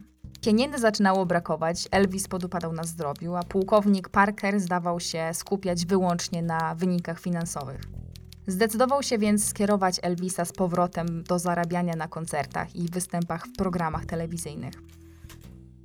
Po takim wstępie biograficznym autor książki przedstawił wymyślony przez siebie dialog, jaki miał mieć miejsce między Elvisem a Charliem Hodgem. Hodge był muzykiem z kręgu Presleya i jego bliskim przyjacielem. Spędził w Graceland 17 lat. Według Chenzesa, czyli autora książki, Elvis miał w tej rozmowie poprosić Hodge'a, by poszukał dla niego sobowtóra. Tyle, że nie takiego zwykłego sobowtóra, ale takiego, i tu polecam usiąść, a jak ktoś idzie, to się czegoś złapać, takiego chorującego na jakąś śmiertelną chorobę. A najlepiej jeszcze, żeby mu zostało biedaczkowi jakoś mało czasu na tym łez padole. Plan był taki, że sobowtór sobie umrze, a potem zostanie pochowany jako Elvis. Tymczasem prawdziwy Elvis będzie mógł uciec sobie na bezludną wyspę. I rzeczywiście, według książki Hodge za jakiś czas wrócił do Elvisa z niejakim Enosem, jak to go określa autor, pijaczyną, który śmiertelnie chorował na serce. Miało mu zostać pół roku życia. Hodge zaoferował rodzinie Enosa milion dolarów za udział w tym oszustwie. Był tylko jeden problem, bo nawet jeśli kwestię pochówku dało się ogarnąć łatwo, to już w szpitalu ciężko było przekonać personel, że umierający Elvis to nie Elvis. Presley miał zatem odbyć poufne spotkanie z doktorem Jerrym Francisco, koronerem hrabstwa. Po tym jak Elvis wtajemniczył doktora Francisco w swój plan, ten miał mu odpowiedzieć, cytuję: Zrobię to, dopilnuję, żeby nikt inny o tym nie wiedział. A tak tylko przypomnę, że Jerry Francisco już się pojawił w tej historii. To właśnie on był tym lekarzem, który ujawnił mediom przyczynę śmierci Elvisa niezgodną z opinią medyków, którzy przeprowadzali sekcję zwłok. Wszystko w planie było dopięte na ostatni guzik. Pozostawało tylko czekać na śmierć Enosa. No, presja na tym chłopie była niesamowita. 29 lipca Enos był w stanie śmierci klinicznej. To znaczy doszło do śmierci mózgu, ale jego ciało i serce z medycznego punktu widzenia nadal funkcjonowały. Najważniejszym zadaniem lekarza było przetrzymać go do 16 sierpnia, czyli do dnia, w którym Elvis miał zaplanowaną ucieczkę. Rankiem tego dnia Ginger Alden, czyli ówczesna narzeczona Presleya, została odurzona środkami nasennymi. Zwłoki już nieżyjącego Enosa zostały ucharakteryzowane, żeby jeszcze bardziej przypominał Presleya. O 7.30 rano Elvis z małą walizeczką ukrył się w bagażniku samochodu Hadża i wyjechał na lotnisko w Memphis. Ale w Graceland pojawiły się problemy. W jakiś tajemniczy sposób ciało Enosa znikło. Trzeba go było na szybko czymś zastąpić. Ktoś wpadł na pomysł woskowego manekina. Chenzes pisze w swojej książce, że to oczywiste, że to coś leżące w trumnie Elvisa nie było Elvisem. Presley miał na ręce bliznę, a na zdjęciach, na których widzimy Elvisa w trumnie, żadnej blizny nie ma. Była też mała szansa, że blizna została ukryta przez makijażystów z domu pogrzebowego, bo do trumny zakrywane są tylko te blizny, które powstały w wyniku śmierci, a nie takie, z którymi człowiek chodził przez lata. To cytat z książki. Tu autor przerywa opowieść pytaniem: Elvis, gdzie jesteś? Chesses co prawda całkiem słusznie skrytykował w tej książce rolę pułkownika Parkera, w tym jak potoczyła się kariera i życie Elvisa, ale sama książka jest pełna literówek i błędów. To jednak wcale nie przeszkodziło zwolennikom ruchu Elvis Lives, bo tak, ruch fanów teorii, że Elvis żyje, otrzymał swoją nazwę, no nie przeszkodziło im to w zachwytach nad książką. W maju 81 Steven Chances wraz ze wspólnikiem Steve'em Crownem rozpoczął druk i dystrybucję podziemnego biuletynu zatytułowanego Eternally Elvis. Kim był Steven Crown? Nie wiadomo. To znaczy, niektórzy fani spekulowali, że Steven Crown był w rzeczywistości samym Elvisem. Wiecie, Crown, czyli korona, król, czyli Elvis. No, sami to ocencie. Sami też ocencie historię, jaka została opowiedziana w tym biuletynie. W pierwszym numerze Crown pisał tak. W styczniu 1981 roku otrzymałem tajemniczy telefon z prośbą o spotkanie. Przybyłem do celu o 9.30 rano. Ku mojemu zdziwieniu na miejscu był już mój biznesowy partner, Steven Chances, a obok niego siedział ktoś, kto przedstawił się jako Sivle Nora. Mówił, że bardzo spodobała mu się książka Steve'a i dlatego zdecydował się z nim skontaktować. Koniec cytatu. Kim był Steve Lenora? Kiedy przeczytamy Steve Lenora w SPAC, to otrzymujemy Elvis Aaron. Dwaj Stevenowie byli przekonani, że facetem, który do nich zadzwonił i się z nimi umówił, był Elvis we własnej osobie. Do drugiego lipcowego numeru biuletynu dołączono więc, uwaga, uwaga, taśmę z nagraniem. Nagraniem, które nazwano monologiem Sivle Nora. Ta taśma stanie się wkrótce jednym z najważniejszych dowodów dla ruchu Elvis Lives. Było to nagranie rzekomej rozmowy, jaka odbyła się między Chenzesem i Crownem, a Sivle Nora właśnie.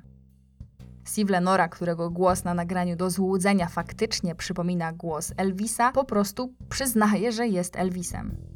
Wyjaśnia, że musiał zaaranżować własną śmierć i od tego czasu, a minęły już 4 lata, ukrywa się przed ludźmi.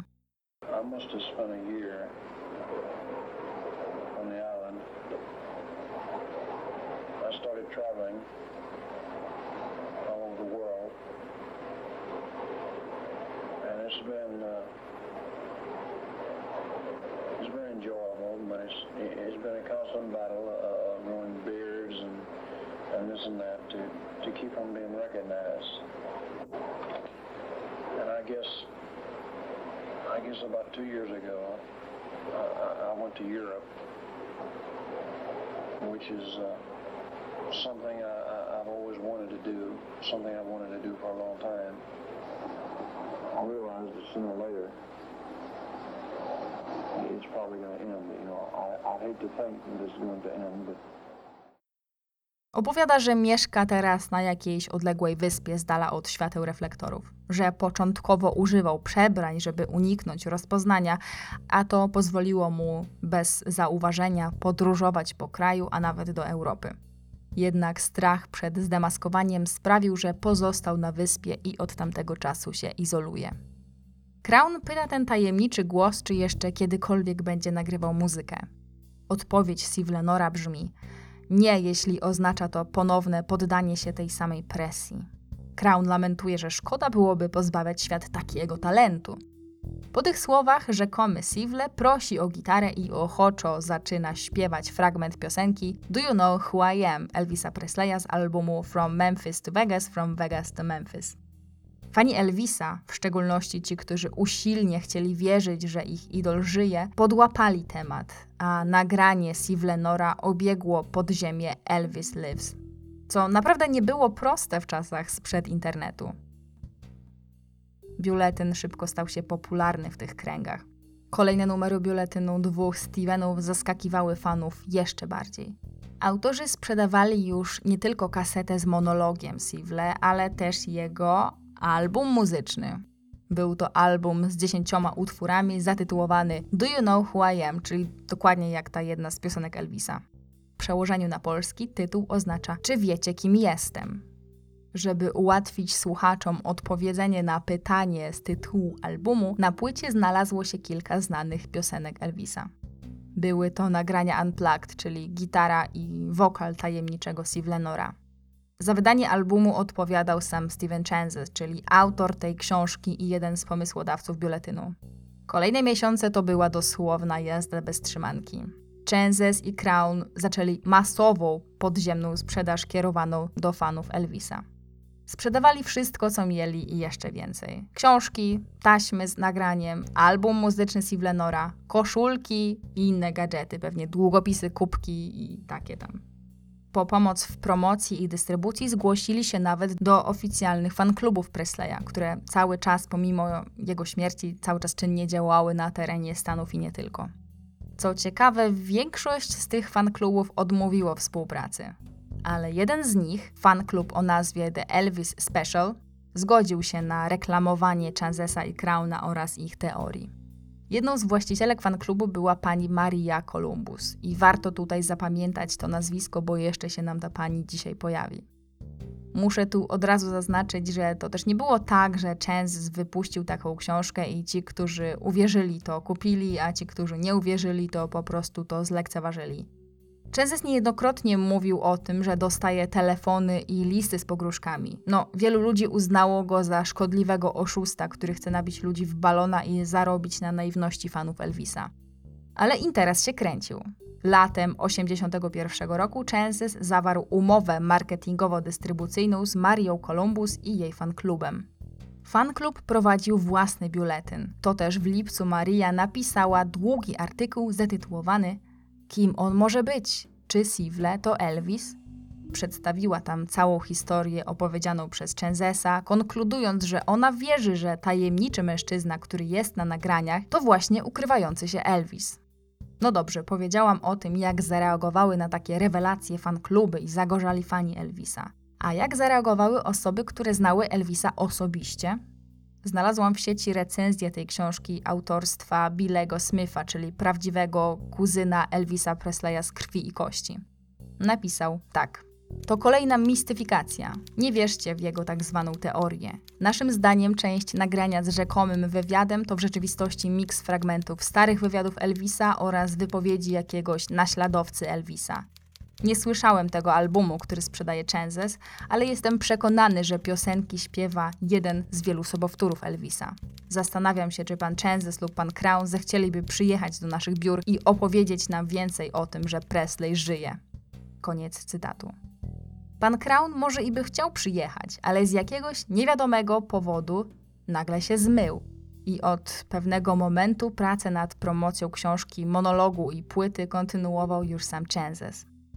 Po tej niekoniecznie przychylnej recenzji i najwyraźniej jakiejś grubszej kłótni o pieniądze, pani Maria Columbus z fanklubu Elvisa zerwała współpracę z panem Chenzesem.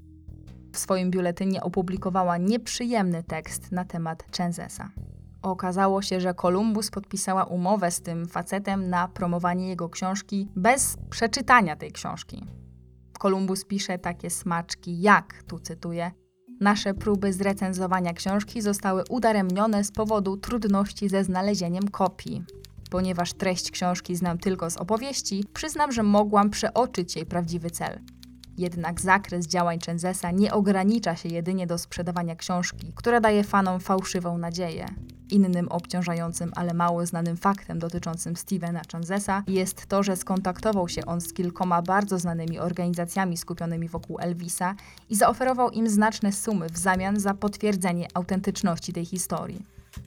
Jakiś czas później Chenzes w swoim biuletynie zaczął się tłumaczyć i pisał tak – Człowiek, którego nazwałem Sivle, zaufał mi.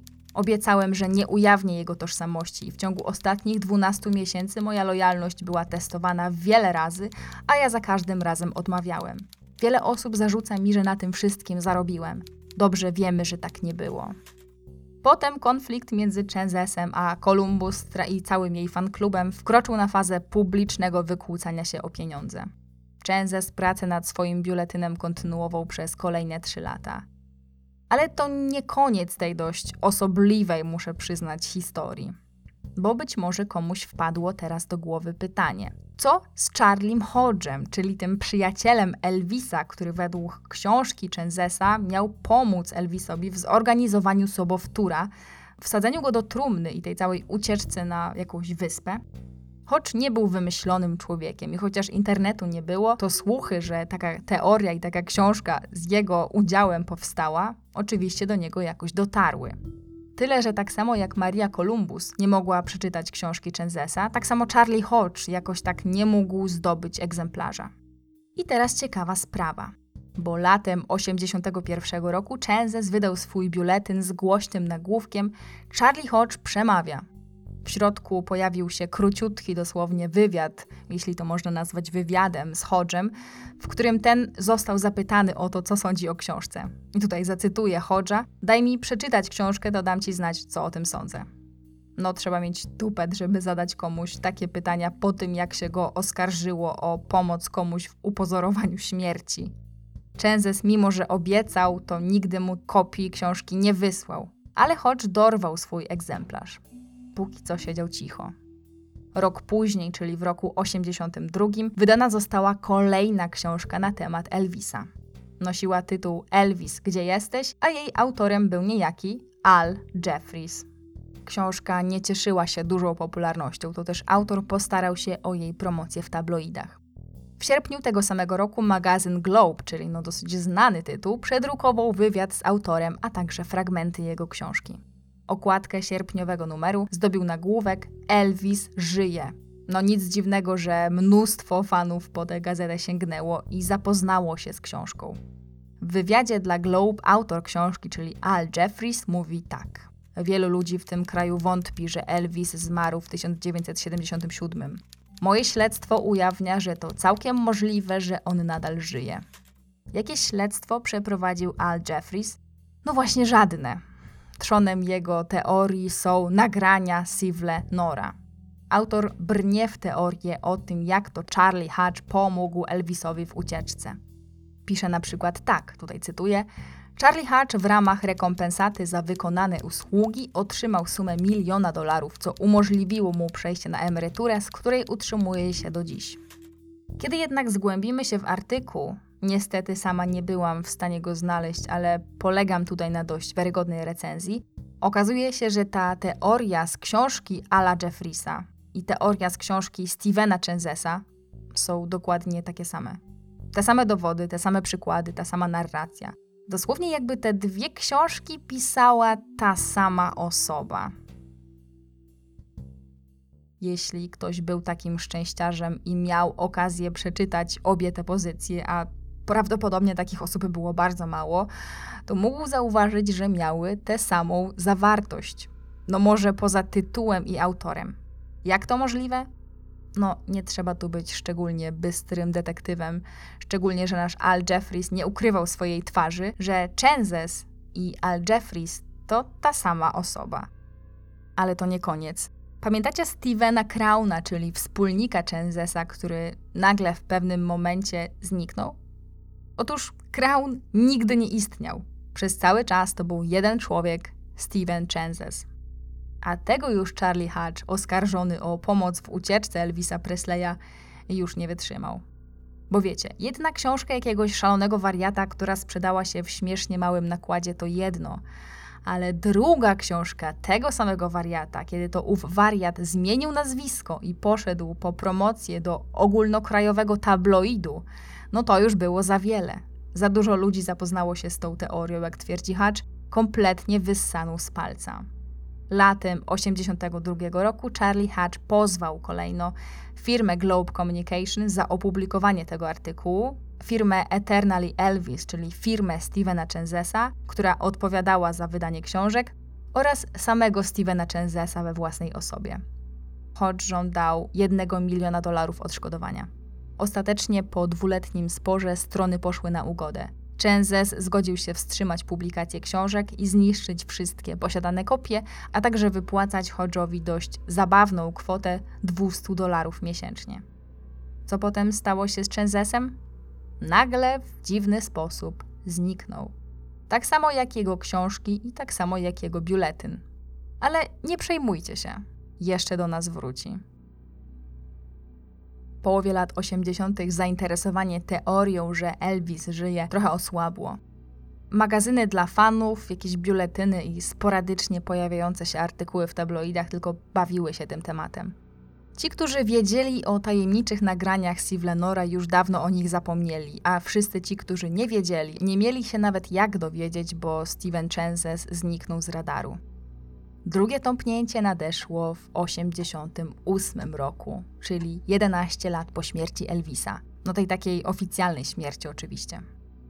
A wszystko za sprawą producenta muzycznego, autora tekstów i właściciela wytwórni Fort Worth, majora Billa Smitha. Sam zainteresowany przedstawiał się tak, tutaj zacytuję: Chyba jestem celebrytą. Nazywają mnie majorem Billem Smithem, legendą Teksasu. Już go lubicie? No to słuchajcie dalej. Major Bill przedstawił światu ciekawą historię. Otóż pewnego gorącego sierpniowego dnia 1985 roku Kelly Fenton, pracownica jego firmy muzycznej Lecam Production, pojechała odebrać codzienną pocztę wytwórni. Wróciła ze standardową partią notek promocyjnych i taśm, które muzycy przesyłali wytwórni w nadziei na kontrakt. Zaczęła więc jak zwykle nagrania odsłuchiwać. Major wspomina tak, tutaj cytuję. Włożyła jedną z kaset do odtwarzacza i włączyła. I oto pojawił się ten głos. Głos Elvisa Presleya. Elvisa, który mówił. Słuchaliśmy w szoku i z dreszczami, jak głos z taśmy opowiadał, jak to zrobił i dlaczego to zrobił. Półgodzinny monolog był datowany na 28 lutego 1981 roku, 7 lat wstecz. Towarzyszyła mu kaseta bez tytułu z dziesięcioma piosenkami. Otrząsnąwszy się wreszcie z szoku, włożyliśmy drugą kasetę. Bez daty, bez nazwiska, bez żadnego śladu. Kiedy taśma zaczęła grać, rozległ się ten głos. Ten złoty głos, który został uciszony 16 sierpnia 77.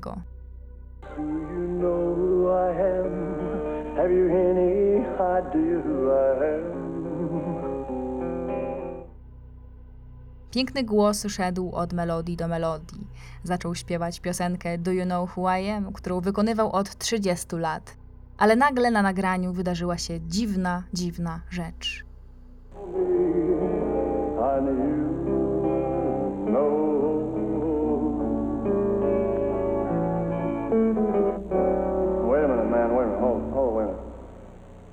I somebody just told me that, uh, that, President Reagan and uh, and some other people have been shot. I'd just like to. Uh, I'd just like to say that, that I hope that uh, I hope they're not hurt badly. Nagle przerwał śpiewanie i mówi tak: Poczekaj chwilę, poczekaj chwilę, poczekaj, poczekaj chwilę. Ktoś, tu następuje długa pauza, ktoś właśnie mi powiedział, że ten prezydent Reagan i kilku innych ludzi zostali postrzeleni. Chciałbym tylko, chciałbym tylko powiedzieć, że mam nadzieję, że mam nadzieję, że nie są ranni. Tu moje wyjaśnienie w razie gdybyście się pogubili. Mamy rok 85. Major Bill Smith i jego pracownica otrzymują dwie taśmy od jakiegoś anonimowego nadawcy. Na jednej jest półgodzinne nagranie datowane na rok 81, czyli kilka lat po śmierci Elvisa. Na tym nagraniu Elvis opowiada o tym, że się ukrywa. Druga taśma to nagranie z piosenkami, które ten Elvis śpiewa. I nagle podczas nagrywania tych piosenek Elvis przerywa śpiewanie, bo ktoś mówi mu, że prezydent Reagan został właśnie postrzelony. Internetu nie było, więc ciężko było od tak zweryfikować, kiedy prezydent Reagan został postrzelony, a więc kiedy to nagranie powstało. Ale taka sprawa faktycznie miała miejsce. Bill Smith nakazał swojej pracownicy sprawdzić datę zamachu na Reagana, więc zadzwoniła do biblioteki i okazało się, że prezydent Reagan był faktycznie postrzelony 30 marca 1981 roku. Zatem, przynajmniej według majora Billa Smitha, nagranie śpiewającego Elvisa musiało powstać tego samego dnia, czyli 30 marca 1981 roku, cztery lata po tym, jak Elvis rzekomo umarł. Jakiś czas później Major Bill Smith za pośrednictwem swojej wytwórni płytowej Lekam wydał kolekcję 10 piosenek otrzymanych od tajemniczego nadawcy.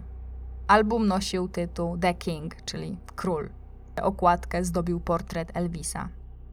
O albumie zrobiło się trochę głośno, ale tak naprawdę nikt nie wiedział o co w ogóle chodzi. Kim był głos z płyty, dlaczego album został podpisany jako The King, dlaczego pojawił się na nim Elvis i o co w ogóle chodziło. Czy Bill Smith próbował właśnie wszystkich przekonać, że te piosenki śpiewa Elvis z zagrobu? Już wam mówię o co chodziło. Major Bill Smith, owszem, był producentem muzycznym i rzeczywiście cała ta jego wytwórnia jak najbardziej istniała. Tyle, że to, czego nie dało się znaleźć ani w jego historii, ani w artykułach prasowych na jego temat, było to, że był wielkim zwolennikiem ruchu Elvis Lives, czyli wierzył w to, że Elvis wcale nie umarł. I mówił o tym właściwie zaraz po oficjalnej śmierci Elvisa. Już w latach 70. głosił, że według niego cała ta sprawa z Elvisem jest podejrzana i tu cytuję: Są rzeczy, które nigdy nie zostaną wyjaśnione. W połowie lat 80., czyli zanim zaskoczył świat nagraniami Elvisa z zagrobu, Smith rozpoczął projekt pisarski.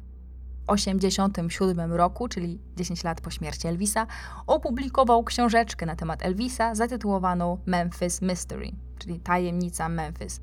To była publikacja produkcji własnej, niedostępna w księgarniach, a tylko dla gorliwych fanów.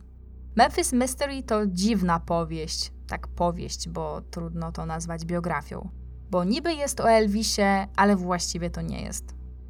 Głównym bohaterem powieści jest Jesse Garon. Na pewno bardzo przypadkowo bohater nazywa się tak samo jak zmarły brat bliźniak Elvisa.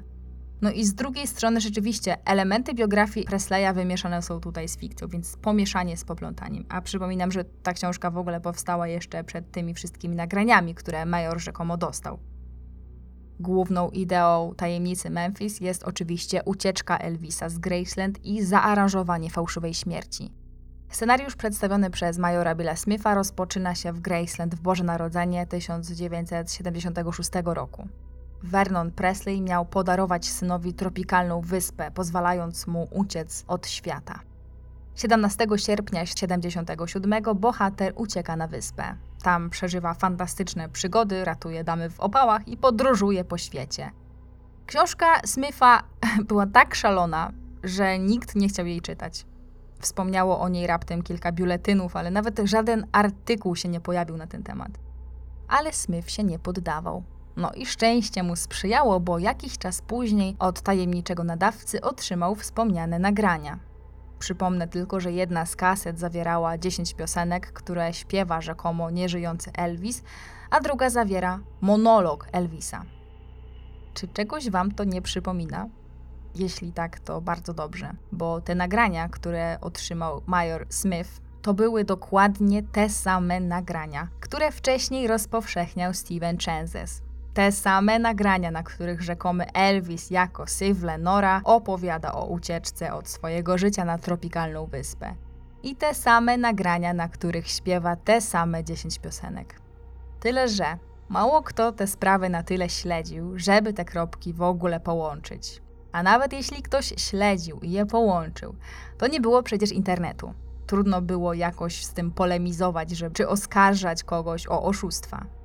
A poza tym, najważniejsze, zarówno sprawa Stevena Chenzesa i jego dwie książki i nagrania, i zarówno sprawa majora Billa Smitha i jego książka i jego nagrania, no nie było o tym jakoś bardzo, bardzo głośno. Owszem, wspominały o nich może jakieś tabloidy, ale to nie były rewelacje na miarę ogólnokrajowych czy ogólnoświatowych sensacji.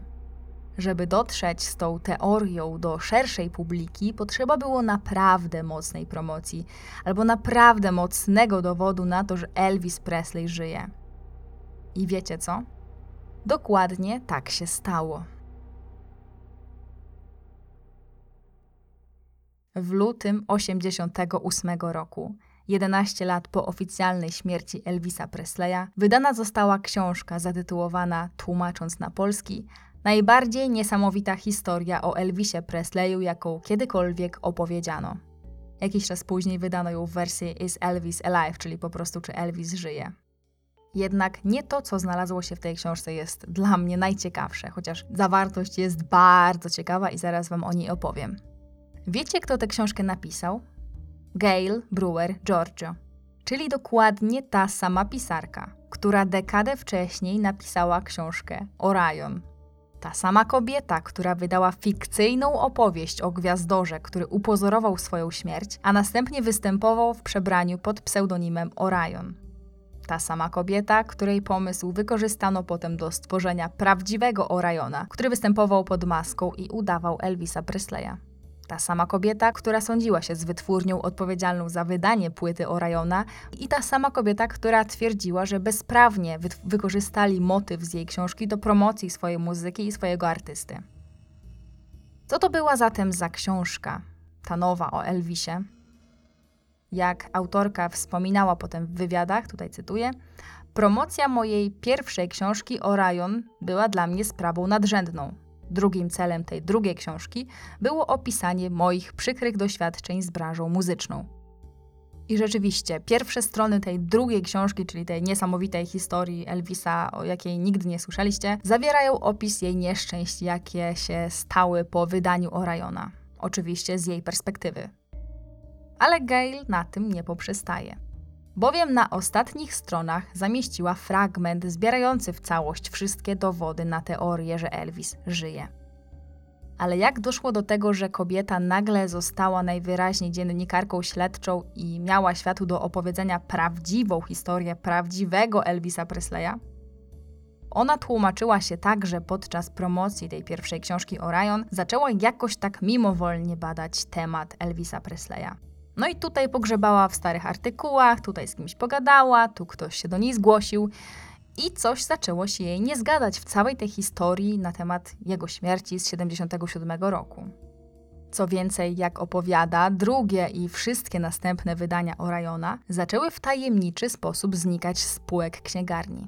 Jedna z księgarni zaraportowała jej, że pewnego dnia odwiedziło ich dwóch mężczyzn w garniturach i wykupiło cały nakład Oriona. Próbowała się dowiedzieć czegoś od wydawcy, ale ten milczał, a to już było podejrzane. Po tym, jak Steven Chenze spuścił w świat nagrania Sivlenora, który miał być rzekomym Elvisem, Gail postanowiła się skontaktować z panem Chenzesem. Tak, moi drodzy. Steven Chenzes po kilku latach od sporu z fanklubem Elvisa, otrzymywaniu pogróżek, wydaniu swojej drugiej książki pod pseudonimem Al Jeffries i sprawie sądowej z Charliem Hodgem, wyszedł z ukrycia. I tak zaczęła się współpraca Chenzesa i Gail Brewer Giorgio przy demaskowaniu rzekomo najgłośniejszego spisku XX wieku. Książka Brewer Giorgio sprzedała się w ponad milionie egzemplarzy i była hitem. Tabloid Weekly World News zapewniał na okładce z maja 88, że, cytuję, Elvis żyje. Obok nagłówka znajdowała się artystyczna wizualizacja tego, jak mógłby wyglądać 53-letni Elvis, łysiejący z brodą i zmarszczkami. W artykule można było przeczytać tak, cytuję. Po upozorowaniu swojej tragicznej śmierci wyczerpany sławą Elvis Presley potajemnie poleciał na Hawaje, gdzie rozpoczął nowe życie pod nazwiskiem John Barrows.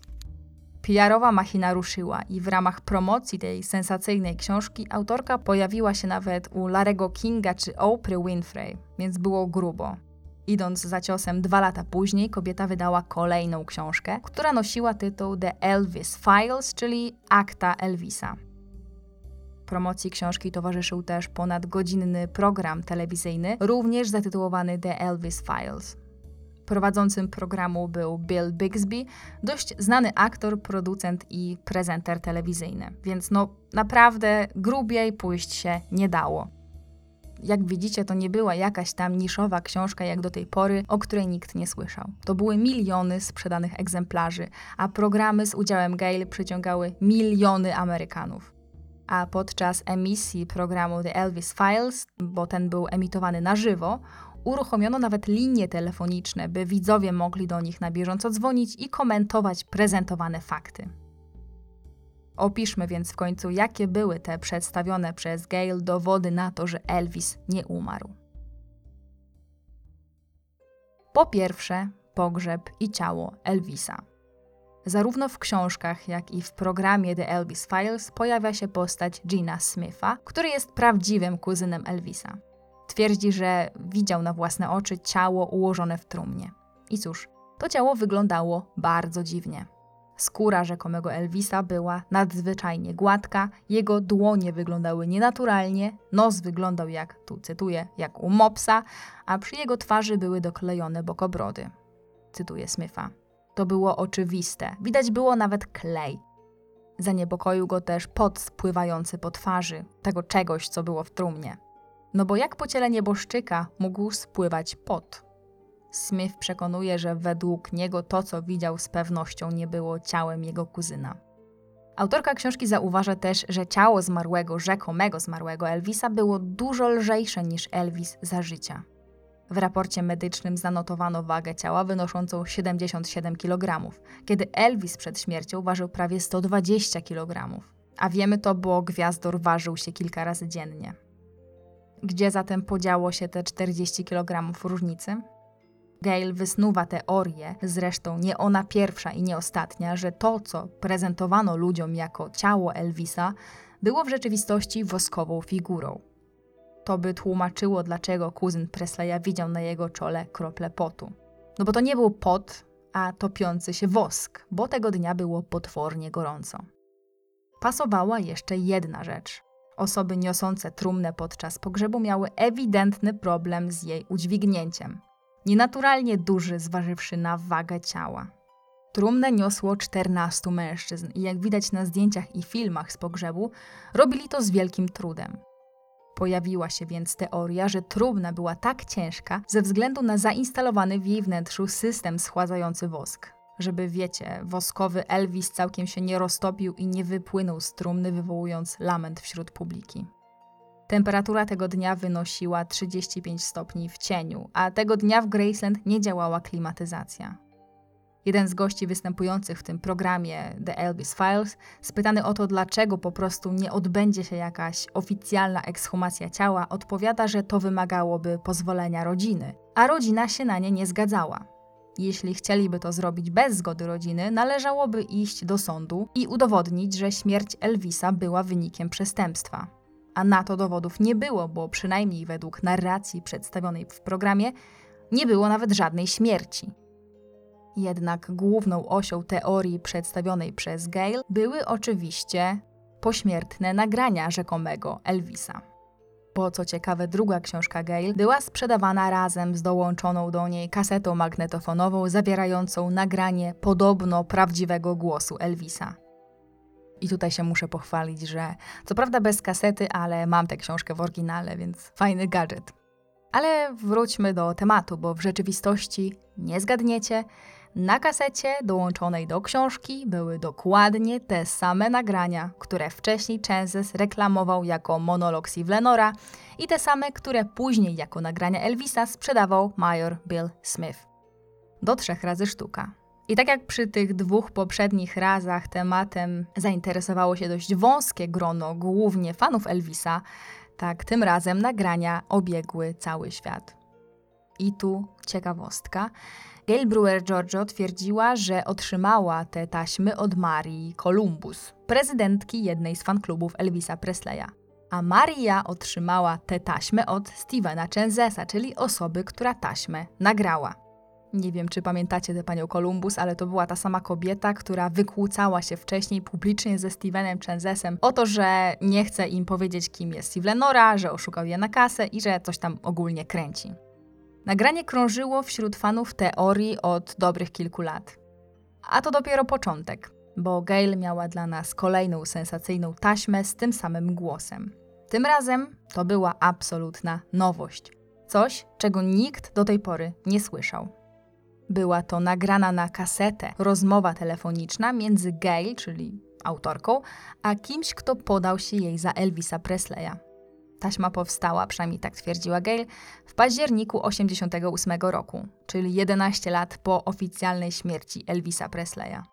To miało miejsce już po wydaniu jej pierwszej książki o Elvisie, bo przypominam, że napisała je dwie, a wcześniej napisała o Rayona, w razie jakbyście zapomnieli. Gail była więc już na świeczniku w tamtym momencie, funkcjonując niemal jak orędowniczka teorii, że Elvis żyje.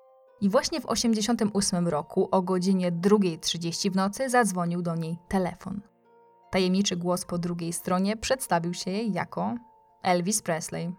Gail, jak sama mówi, wiedziała, że to może być jakiś dobry naśladowca, bo już nie jeden taki telefon w swojej karierze otrzymała.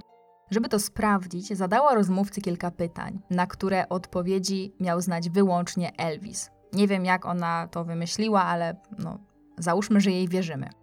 I mężczyzna o dziwo na każde z pytań odpowiedział poprawnie. Niewiele myśląc, zaczęła więc rozmowę nagrywać.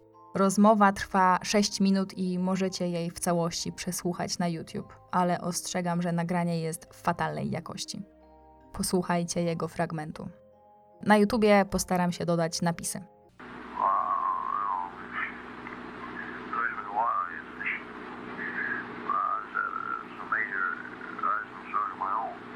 Major surgery? What happened? What happened? Oh, okay. I, I, was Priscilla there? Well, I mean, was she at the wedding?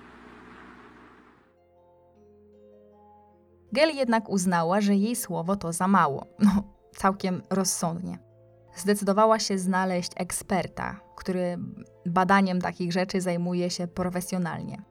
Skontaktowała się w tej sprawie z policją hrabstwa Cobb i tak został jej polecony specjalista od VoicePrint, Larry Williams. Badanie laboratoryjne przeprowadzone przez Williamsa miało potwierdzić, że głos może należeć do Elvisa. Ale jakie były jeszcze dowody na to, że Elvis nie umarł?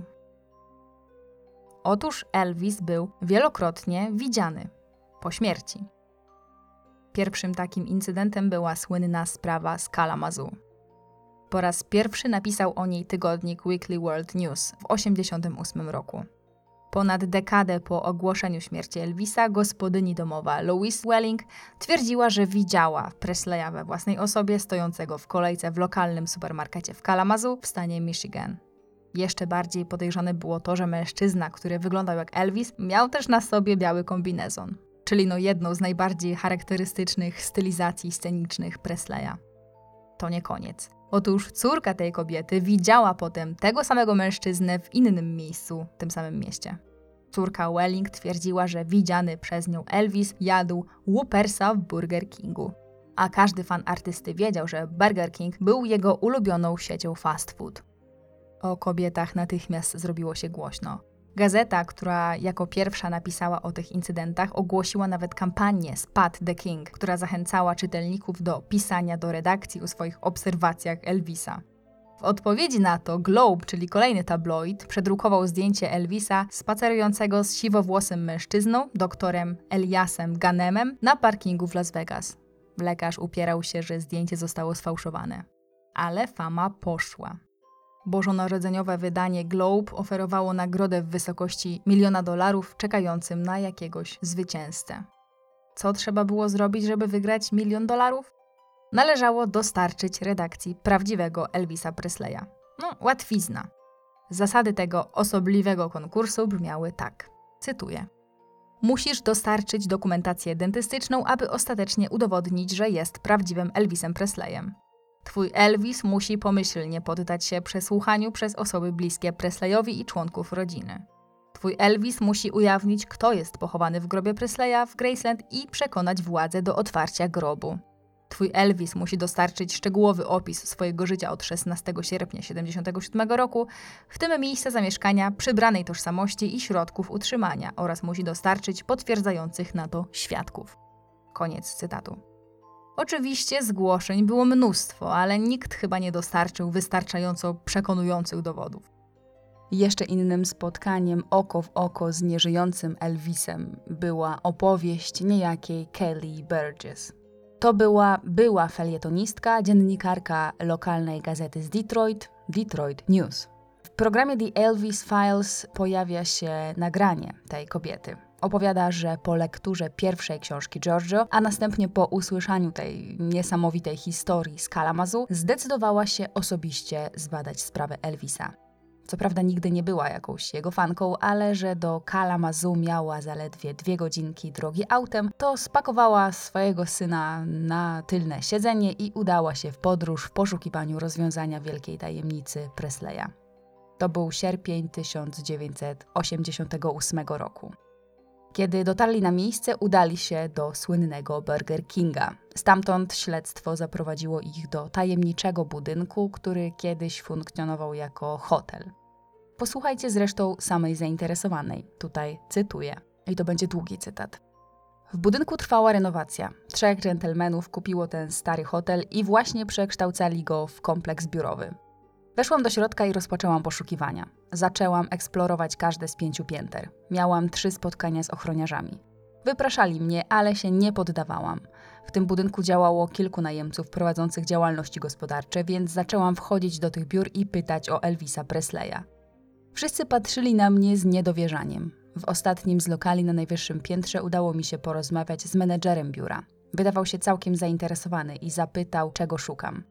Nagle powiedział: Oto człowiek, którego chcesz zobaczyć. Odwróciłam się. Stał tam Elvis. To było prawie jakby piorun uderzył w ten pokój. Pierwszy raz w moim życiu czułam się tak oszołomiona. Najpierw był na mnie zły, ale potem zaczęliśmy rozmawiać. Zaczęłam nakreślać mu niektóre fakty zawarte w książce Giorgio. Stał tam i słuchał, nie mówiąc ani słowa. Wyglądał naprawdę dobrze. Na głowie miał bardzo gęste, siwe włosy bez bokobrodów. Te same usta, te same kości policzkowe. Spojrzałam mu w oczy i powiedziałam: Masz oczy jak Elvis. Czy jesteś jego krewnym? Powiedział: Nie. Do dzisiaj nadal nie wiem, dlaczego nie dałam mu do zrozumienia, że wiedziałam, że jest Elvisem. Tu historia się kończy, bo kobieta miała wtedy zostać wyproszona z budynku. W listopadzie tego samego roku Kelly zaczęła pisać na ten temat książkę. Zaraz po tym zgłosiła się do niej produkcja programu The Elvis Files, prosząc o opowiedzenie jej historii. Niestety, zanim cokolwiek wydała i zanim doszło do premiery programu, to kobieta zmarła, a notatki, jakby mogło być inaczej, zniknęły w tajemniczych okolicznościach, o czym dowiadujemy się w dokumencie od jej syna. W książce Gail Brewer Giorgio pojawiły się jeszcze dwa dowody na to, że Elvis żył po swojej rzekomej śmierci. I były to zdjęcia. Jeśli ktoś z Was kiedykolwiek interesował się chociaż trochę tym tematem, albo po prostu gdzieś wpadł na niego przypadkiem, to jest spora szansa, że wie o jakich zdjęciach teraz mówię. Pierwszym z nich jest słynne zdjęcie Pool House. W 1982 roku mężczyzna, który zwał się Mike Joseph, znalazł w swoich prywatnych zbiorach podejrzaną fotografię. Wykonał ją osobiście po śmierci Elvisa 31 grudnia 1977 roku. I teraz dla kontekstu. Po śmierci Elvisa jego posiadłość Graceland została częściowo otworzona do zwiedzania dla fanów. Wiecie, można było zapłacić i zrobić sobie wycieczkę po części posiadłości po Gwiazdorze. I właśnie na taką wycieczkę udał się nasz Mike. I jak to zwykle bywa w takich chwilach, zaczął na pamiątkę robić zdjęcia. No i po latach, kiedy przeglądał zdjęcia z tej wyjątkowej chwili, zauważył, że z jednym z nich jest coś nie tak. Coś bardzo nie tak. Na zdjęciu widoczny był basen oraz fragment domu widziany od zewnątrz. Kiedy się dobrze przyjrzeć, to w jednym z okien domu widać było taki mały zarys sylwetki i twarzy. Twarzy do złudzenia przypominającej twarz Elvisa Presleya. Kiedy o zdjęciu zrobiło się głośno, po raz pierwszy właśnie za sprawą książki Gail Brewer Giorgio, mnóstwo ludzi podniosło, że fotografia jest fotomontażem, oczywiście. Dosyć naturalna reakcja. Mike Joseph, czyli autor zdjęcia, przekazał więc całą kliszę do ekspertyzy do Kodaka. Po przeprowadzeniu analiz potwierdzono jego autentyczność i wykluczono wszelkie ślady fałszerstwa. No w dzisiejszych czasach trudno, żeby taki dowód prawdopodobnie przeszedł, tyle że pamiętajmy, że wtedy nie było aparatów cyfrowych, tylko aparaty na klisze. To i majstrowanie przy zdjęciach było dosyć ograniczone. Teraz być może ktoś z Was tutaj spyta, dlaczego Elvis miałby się tak po prostu wystawiać na widok publiczny i siedzieć sobie przy oknie, mając świadomość, że w każdej chwili ktoś z fanów może go zobaczyć. No i tego to za bardzo nie wiadomo. A skąd mieli pewność, że na zdjęciu był Elvis, a nie na przykład ktoś z obsługi, tylko podobny do niego? No, nie mieli tej pewności. Ale to już wystarczyło, żeby uczynić ze zdjęcia dosłownie narodową sensację. Jak jednak wspomniałam, zdjęcia były dwa. Drugą fotografią, która miała udokumentować żywot nieżyjącego Elvisa, została wykonana w roku 1982. Główną postacią widoczną na zdjęciu jest pięściarz Muhammad Ali. Nie było dla nikogo nowością, że on i Elvis się przyjaźnili. Jest na to dużo dowodów w postaci wspólnych zdjęć. Ale żadne z nich nie wywołało takiej histerii jak właśnie to. Bo na zdjęciu jest Ali, a w tle ktoś wyglądający jak Elvis. I podobno nawet sam Ali, spytany o to, kto jest na tym zdjęciu, miał odpowiedzieć po prostu: Mój przyjaciel Elvis. No, dziwne. Ale to jeszcze nie koniec. Gale wspomina w swojej książce o jeszcze kilku świadkach. Na przykład o pielęgniarce ze szpitala, w którym miał oficjalnie umrzeć Elvis i która widziała to ciało tuż po jego śmierci. Miała na nie podobno spojrzeć i powiedzieć, że to nie był Elvis. Pewien mężczyzna z Michigan miał z kolei twierdzić, że rozmawiał ze zmarłym Elvisem w centrum handlowym. Inna kobieta przekonywała, że widziała Elvisa na meczu baseballowym na Florydzie. Dowody? Brak. Jako jeden ze zwolenników teorii, że Elvis nie umarł, wystąpiła w programie również Maria Columbus, czyli wspomniana wcześniej pani prezydent oficjalnego fanklubu Elvisa Presleya. Opowiedziała, że tuż po ogłoszeniu śmierci Elvisa doświadczyła kilku dziwnych zdarzeń. Natychmiast po tym, jak dowiedziała się o jego śmierci, zadzwoniła do ojca Elvisa, no bo oni utrzymywali jakiś bliski kontakt, informując go, że przedstawiciele klubu jeszcze tego samego dnia przylatują do Graceland. Ale Vernon Presley miał ją poinstruować, żeby tego nie robili. No bo tłumaczył, że to będzie dla nich zbyt emocjonalne i że w ogóle nie będzie miał dla nich czasu. Poprosił, żeby zjawili się za tydzień. Maria Columbus na początku nie widziała w tym nic dziwnego, ale potem doszła do wniosku, że rodzina Presleya chciała coś ukryć no bo być może osoby, które od podszewki znały każdy fakt na temat idola, mogłyby coś podejrzanego zauważyć. Kiedy tydzień później w końcu udała się do posiadłości Elvisa, przejrzała dokument ze spisem majątku Elvisa, liczącym 84 strony. I według niej mnóstwo rzeczy brakowało. Nie było na przykład biżuterii, zdjęć matki Elvisa, jego prywatnych dzienników, które pisał i wszyscy o tym wiedzieli, miliona dolarów w gotówce oraz, uwaga, uwaga, jego dwóch prywatnych samolotów. A to już było bardzo podejrzane. Podejrzane były też rozbieżne wspomnienia osób, które były podczas znalezienia Elvisa w jego posiadłości tuż przed śmiercią. Na przykład Joe Esposito, czyli jeden z jego przyjaciół, najpierw mówił, że znaleziono go w łazience, a potem, że w sypialni. Ginger Alden, czyli jego ówczesna partnerka, miała z kolei podawać różny czas jego znalezienia. Jednym z innych dowodów, jakie zostały przedstawione, była kwestia polisy ubezpieczeniowej Elvisa Lloyds of London. Elvis miał wykupioną polisę ubezpieczeniową o wartości 1 miliona dolarów. Polisa ta, co ciekawe, po jego śmierci nigdy nie została spieniężona. Miałoby to sugerować, że osoby odpowiedzialne za zarządzanie majątkiem Elvisa nie chciały się dopuścić oszustwa ubezpieczeniowego. Bo wiadomo, zdawali sobie sprawę, że pobieranie pieniędzy z polisy na życie osoby żyjącej to przestępstwo. Przyjmijmy, że mamy już wszystkie dowody na to, że Elvis żyje. No to czy wiemy, dlaczego to wszystko zrobił? dlaczego Elvis miałby sfingować swoją śmierć, ukraść własną kasę i uciec na bezludną wyspę? Co według autorki książki w ogóle się tam stało? I tu przechodzimy do najlepszego. Główna teoria Gale jest taka, że Elvis został objęty programem ochrony świadków. Od lat 50. do lat 70., kiedy Elvis był aktywny zawodowo, włoska mafia miała potężną władzę w kraju i była znacznie bardziej wpływowa niż dziś. Wiele gwiazd z tamtych czasów było znanych z powiązań z mafią, weźmy na przykład Franka Sinatra. Tutaj odsyłam do mojego podcastu na jego temat. Z Elvisem miało być jednak trochę inaczej, a właściwie było całkowicie inaczej. Nie od dziś wiadomo, że był patriotą i kochał kraj. Ponoć kochał go tak bardzo, że bez problemu poświęciłby swoją sławę, by pomóc narodowi w potrzebie, gdyby była taka okazja. Teoria Gale głosi, że Elvis wcale nie chciał, ale musiał porzucić karierę i wycofać się z życia publicznego. Otóż 21 grudnia 1970 roku Elvis złożył wizytę w Białym Domu. Wizyta była poprzedzona napisaniem listu do ówczesnego prezydenta Stanów Zjednoczonych Richarda Nixona. Posłuchajcie jego treści. Drogi panie prezydencie, na początek chciałbym się przedstawić. Nazywam się Elvis Presley i mam wielki szacunek do pańskiego urzędu.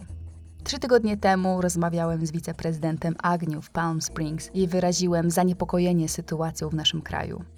Kultura narkotykowa, hipisi i czarne pantery nie uważają mnie za swojego wroga lub, jak to oni nazywają, częścią establishmentu.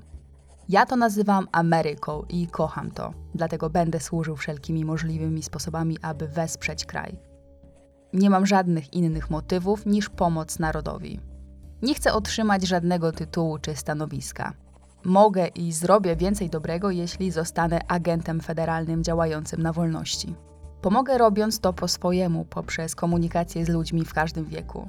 Jestem artystą estradowym, ale potrzebuję federalnych uprawnień. Jestem teraz w samolocie z senatorem George'em Murphym i rozmawiamy o problemach, z którymi zmierza się nasz kraj. Zatrzymam się w hotelu Washington, pokoje 505, 506, 507. Pracują ze mną dwaj ludzie, Jerry Schilling i Sonny West. Jestem zameldowany pod nazwiskiem John Barrows. Będę tu tak długo, jak będzie trzeba, żeby zdobyć uprawnienia agenta federalnego. Przeprowadziłem dogłębną analizę nadużywania narkotyków i komunistycznych technik prania mózgu i jestem w samym środku całej sprawy. Ucieszę się, jeśli będę mógł pomóc. Pański personel lub ktokolwiek inny może do mnie zadzwonić o każdej porze, dziś wieczorem lub jutro. Jestem nominowany jako jeden z dziesięciu najwybitniejszych młodych mężczyzn w Ameryce. Przysyłam krótką autobiografię, aby mógł pan lepiej zrozumieć moje podejście. Chętnie się z panem spotkam, żeby się przywitać, jeśli nie jest pan zbyt zajęty. Z wyrazami szacunku Elvis Presley. PS. Pan również jest jednym z dziesięciu najwybitniejszych ludzi Ameryki. Mam dla pana osobisty prezent, który chciałbym wręczyć. Może go pan przyjąć, albo zatrzymam go dla pana, dopóki nie będę mógł go wręczyć. No, grubo, bo list jest autentyczny. Po tym liście Presley rzeczywiście spotkał się z Nixonem. Po krótkiej rozmowie wręczył prezydentowi swój pistolet Colt kaliber 45. W zamian otrzymał odznakę z biura narkotyków i niebezpiecznych leków, tłumacząc na polski, bo był zapalonym kolekcjonerem odznak policyjnych i nie tylko. Panowie zrobili sobie nawet wspólne zdjęcie, które obiegło wszystkie media. Szczegóły ich spotkania i rozmowy nie są jednak powszechnie znane. Jak Nixon zareagował na tę osobliwą propozycję Presleya, że ten chce zostać agentem federalnym, tego nie wiadomo. Wiadomo jednak, że 30 grudnia, czyli ponad tydzień po tym spotkaniu, Elvis miał z kolei zwiedzić centralę FBI i tam zaoferować swoje usługi. 4 stycznia 1971 roku otrzymał list od samego szefa FBI Edgara Hoovera. Drogi panie Presley, żałuję, że nie mogłem pana przyjąć podczas wizyty w centrali FBI. Jednakże mam nadzieję, że spodobał się panu program zwiedzania. Wysoko cenię pańskie pochlebne opinie o biurze i o mnie. Zapewniam, że nie zapomnimy o pańskiej ofercie. Ale to tylko oficjalna część historii. Przenieśmy się teraz 4 lata do przodu, czyli do roku 75, na dwa lata przed oficjalną śmiercią Elvisa. Roku, w którym Elvis dokonał zakupu prywatnego samolotu. I to nie był pierwszy samolot w jego posiadaniu. Wcześniej miał już nieduży samolot Lockheed Jetstar, który kosztował go ponad milion dolarów. Tym razem kupił dużo większy odrzutowiec, kilka razy większy od tego poprzedniego. Od kiedy kupił ten nowy odrzutowiec, rzadko wsiadał do Jetstara, a utrzymanie przecież kosztowało. Zdecydował się więc go sprzedać. W 76 roku zlecił to swojemu ojcu Vernonowi. Nie było w tym nic dziwnego, bo ojciec zajmował się jego finansami. W maju Vernon znalazł człowieka, który zaproponował mu dzierżawę samolotu. Człowiek ten nazywał się Frederick Pro. Na początku wydawał się uczciwym kontrahentem, ale szybko się okazało, że cały ten Pro wciągnął Presleyów w jakąś dziwną umowę z jego firmą. Twierdził, że taka operacja ułatwi mu naprawę samolotu. Vernon się zgodził, ale wyszło na jaw, że krótko mówiąc, Frederick Pro go oszukał. Kiedy prawnicy Presleyów zorientowali się w rozmiarach oszustwa, zgłosili przestępstwo odpowiednim organom. Są dowody na to, że firma Presley Estate straciła w tamtym roku ponad milion dolarów. Okazało się, że Frederick Pro tak naprawdę nazywał się Alfredo Proc i działał w grupie przestępczej o nazwie The Fraternity. Grupa do tamtego momentu oszukała mnóstwo ludzi na co najmniej 2 miliardy dolarów. Samolot Elvisa bez wiedzy Elvisa latał po świecie i był wykorzystywany do celów przestępczych. To jednak nie koniec. Grupa The Fraternity, która liczyła sobie około 40 oszustów z całego świata, była w tamtym czasie pod obserwacją FBI. FBI prowadziło w tej sprawie tajną operację o kryptonimie The Fountain Pen, czyli na polski tłumacząc Operacja Wieczne Pióro. Pozwólcie, że przytoczę cytat, w którym na ten temat wypowiadają się emerytowani agenci FBI. Operacja była wymierzona w zawodowych złodziejów działających zarówno w Stanach Zjednoczonych, jak i Europie. Wcześniej udało im się przekonać kilka ław przysięgłych, że prowadzone przez nich skomplikowane transakcje nie były oszustwami, ale sporami finansowymi między stronami biznesowymi. Ale nasi agenci uważali inaczej. Nasza operacja obejmowała obszary takie jak Paradise Island, Nassau, Bahamy, Tokio, Hongkong, Ateny, Genewa, Frankfurt i Londyn. Agenci ściśle współpracowali z władzami za granicą, aby zidentyfikować przypadki osób, które mogły być ścigane. Koniec cytatu. Wszystko wskazywało więc na to, że Elvis znalazł się, przypadkowo lub nie, w centrum międzynarodowej tajnej operacji prowadzonej przez FBI. Elvis i jego ojciec mieli być podobno głównymi świadkami oskarżenia przeciwko mężczyźnie, który ich oszukał. I nie tylko ich, rzecz jasna. Sprawa miała tak wysoki stopień tajności, że o operacji nie wiedziały ani policja, ani prokuratura. Jedynie prokurator generalny otrzymywał jakieś szczątkowe informacje, ale miał wszcząć postępowanie sądowe dopiero po tym, jak FBI złoży komplet dokumentów. I teraz jeszcze raz podkreślę, bo w nawale różnych opowieści, dziwnych treści może Wam się to trochę pomieszać. Cała ta historia FBI o sprzedaży samolotu to wszystko jest prawda. Ale teoria wysnuta przez Gail Brewer Giorgio to już jest jej teoria bo jej teoria brzmi tak, że FBI miało Elvisa zwerbować jako tajnego agenta, aby mógł pomóc im w infiltracji organizacji przestępczej. Na polecenie FBI miał współpracować, w cudzysłowie współpracować z przestępcami i zbierać na nich dowody. Dwa dni przed śmiercią Elvisa w Graceland zjawiło się rzekomo dwóch agentów. Mieli poinformować Presleyów, że następnego dnia dokumenty zło zostaną złożone w prokuraturze, a potem zacznie się długo wyczekiwany przez nich proces z ich udziałem. Powiedzieli im też, że zanim do tego dojdzie, zostaną jeszcze raz zaproszeni na prywatną rozmowę. Początkowo ta rozmowa w siedzibie FBI miała się odbyć 16 sierpnia 1977 roku, ale przełożono ją na 18 sierpnia. Tyle, że Elvis tamtego dnia miał już zacząć swoją trasę, więc nie planował być Memphis. Co więc mogło się stać? Jedna z teorii mówi, że organizacja The Fraternity miała wtyki w FBI, a Elvis był niewygodnym świadkiem w całej tej sprawie. Jeśli ktoś z grupy przestępczej wiedział, że Presley miał rozmawiać z prokuratorem 16 sierpnia, to noc z 15 na 16 była jedynym momentem na jego sprzątnięcie. Ale wersja o zamordowaniu przez grupę przestępczą to tylko jedna z dwóch teorii. Druga była taka, że Elvis miał zostać umieszczony w programie ochrony świadków ze względu na to, że wielu członków organizacji The Fraternity nadal pozostawało na wolności. Miało na to wskazywać dziwne zachowanie Elvisa, które trwało już od kilku miesięcy. Zachowywał się tak, jakby wiedział, że już niedługo będzie musiał oficjalnie odejść. oś czasu miała wyglądać tak. 4 maja 77 Elvis udał się w ostatnią podróż z przyjaciółmi. Miał się tam zachowywać dziwnie, jakby się z nimi żegnał. 29 czerwca odbył się jego ostatni koncert. Tam sprawiał wrażenie, jakby się żegnał z publiką.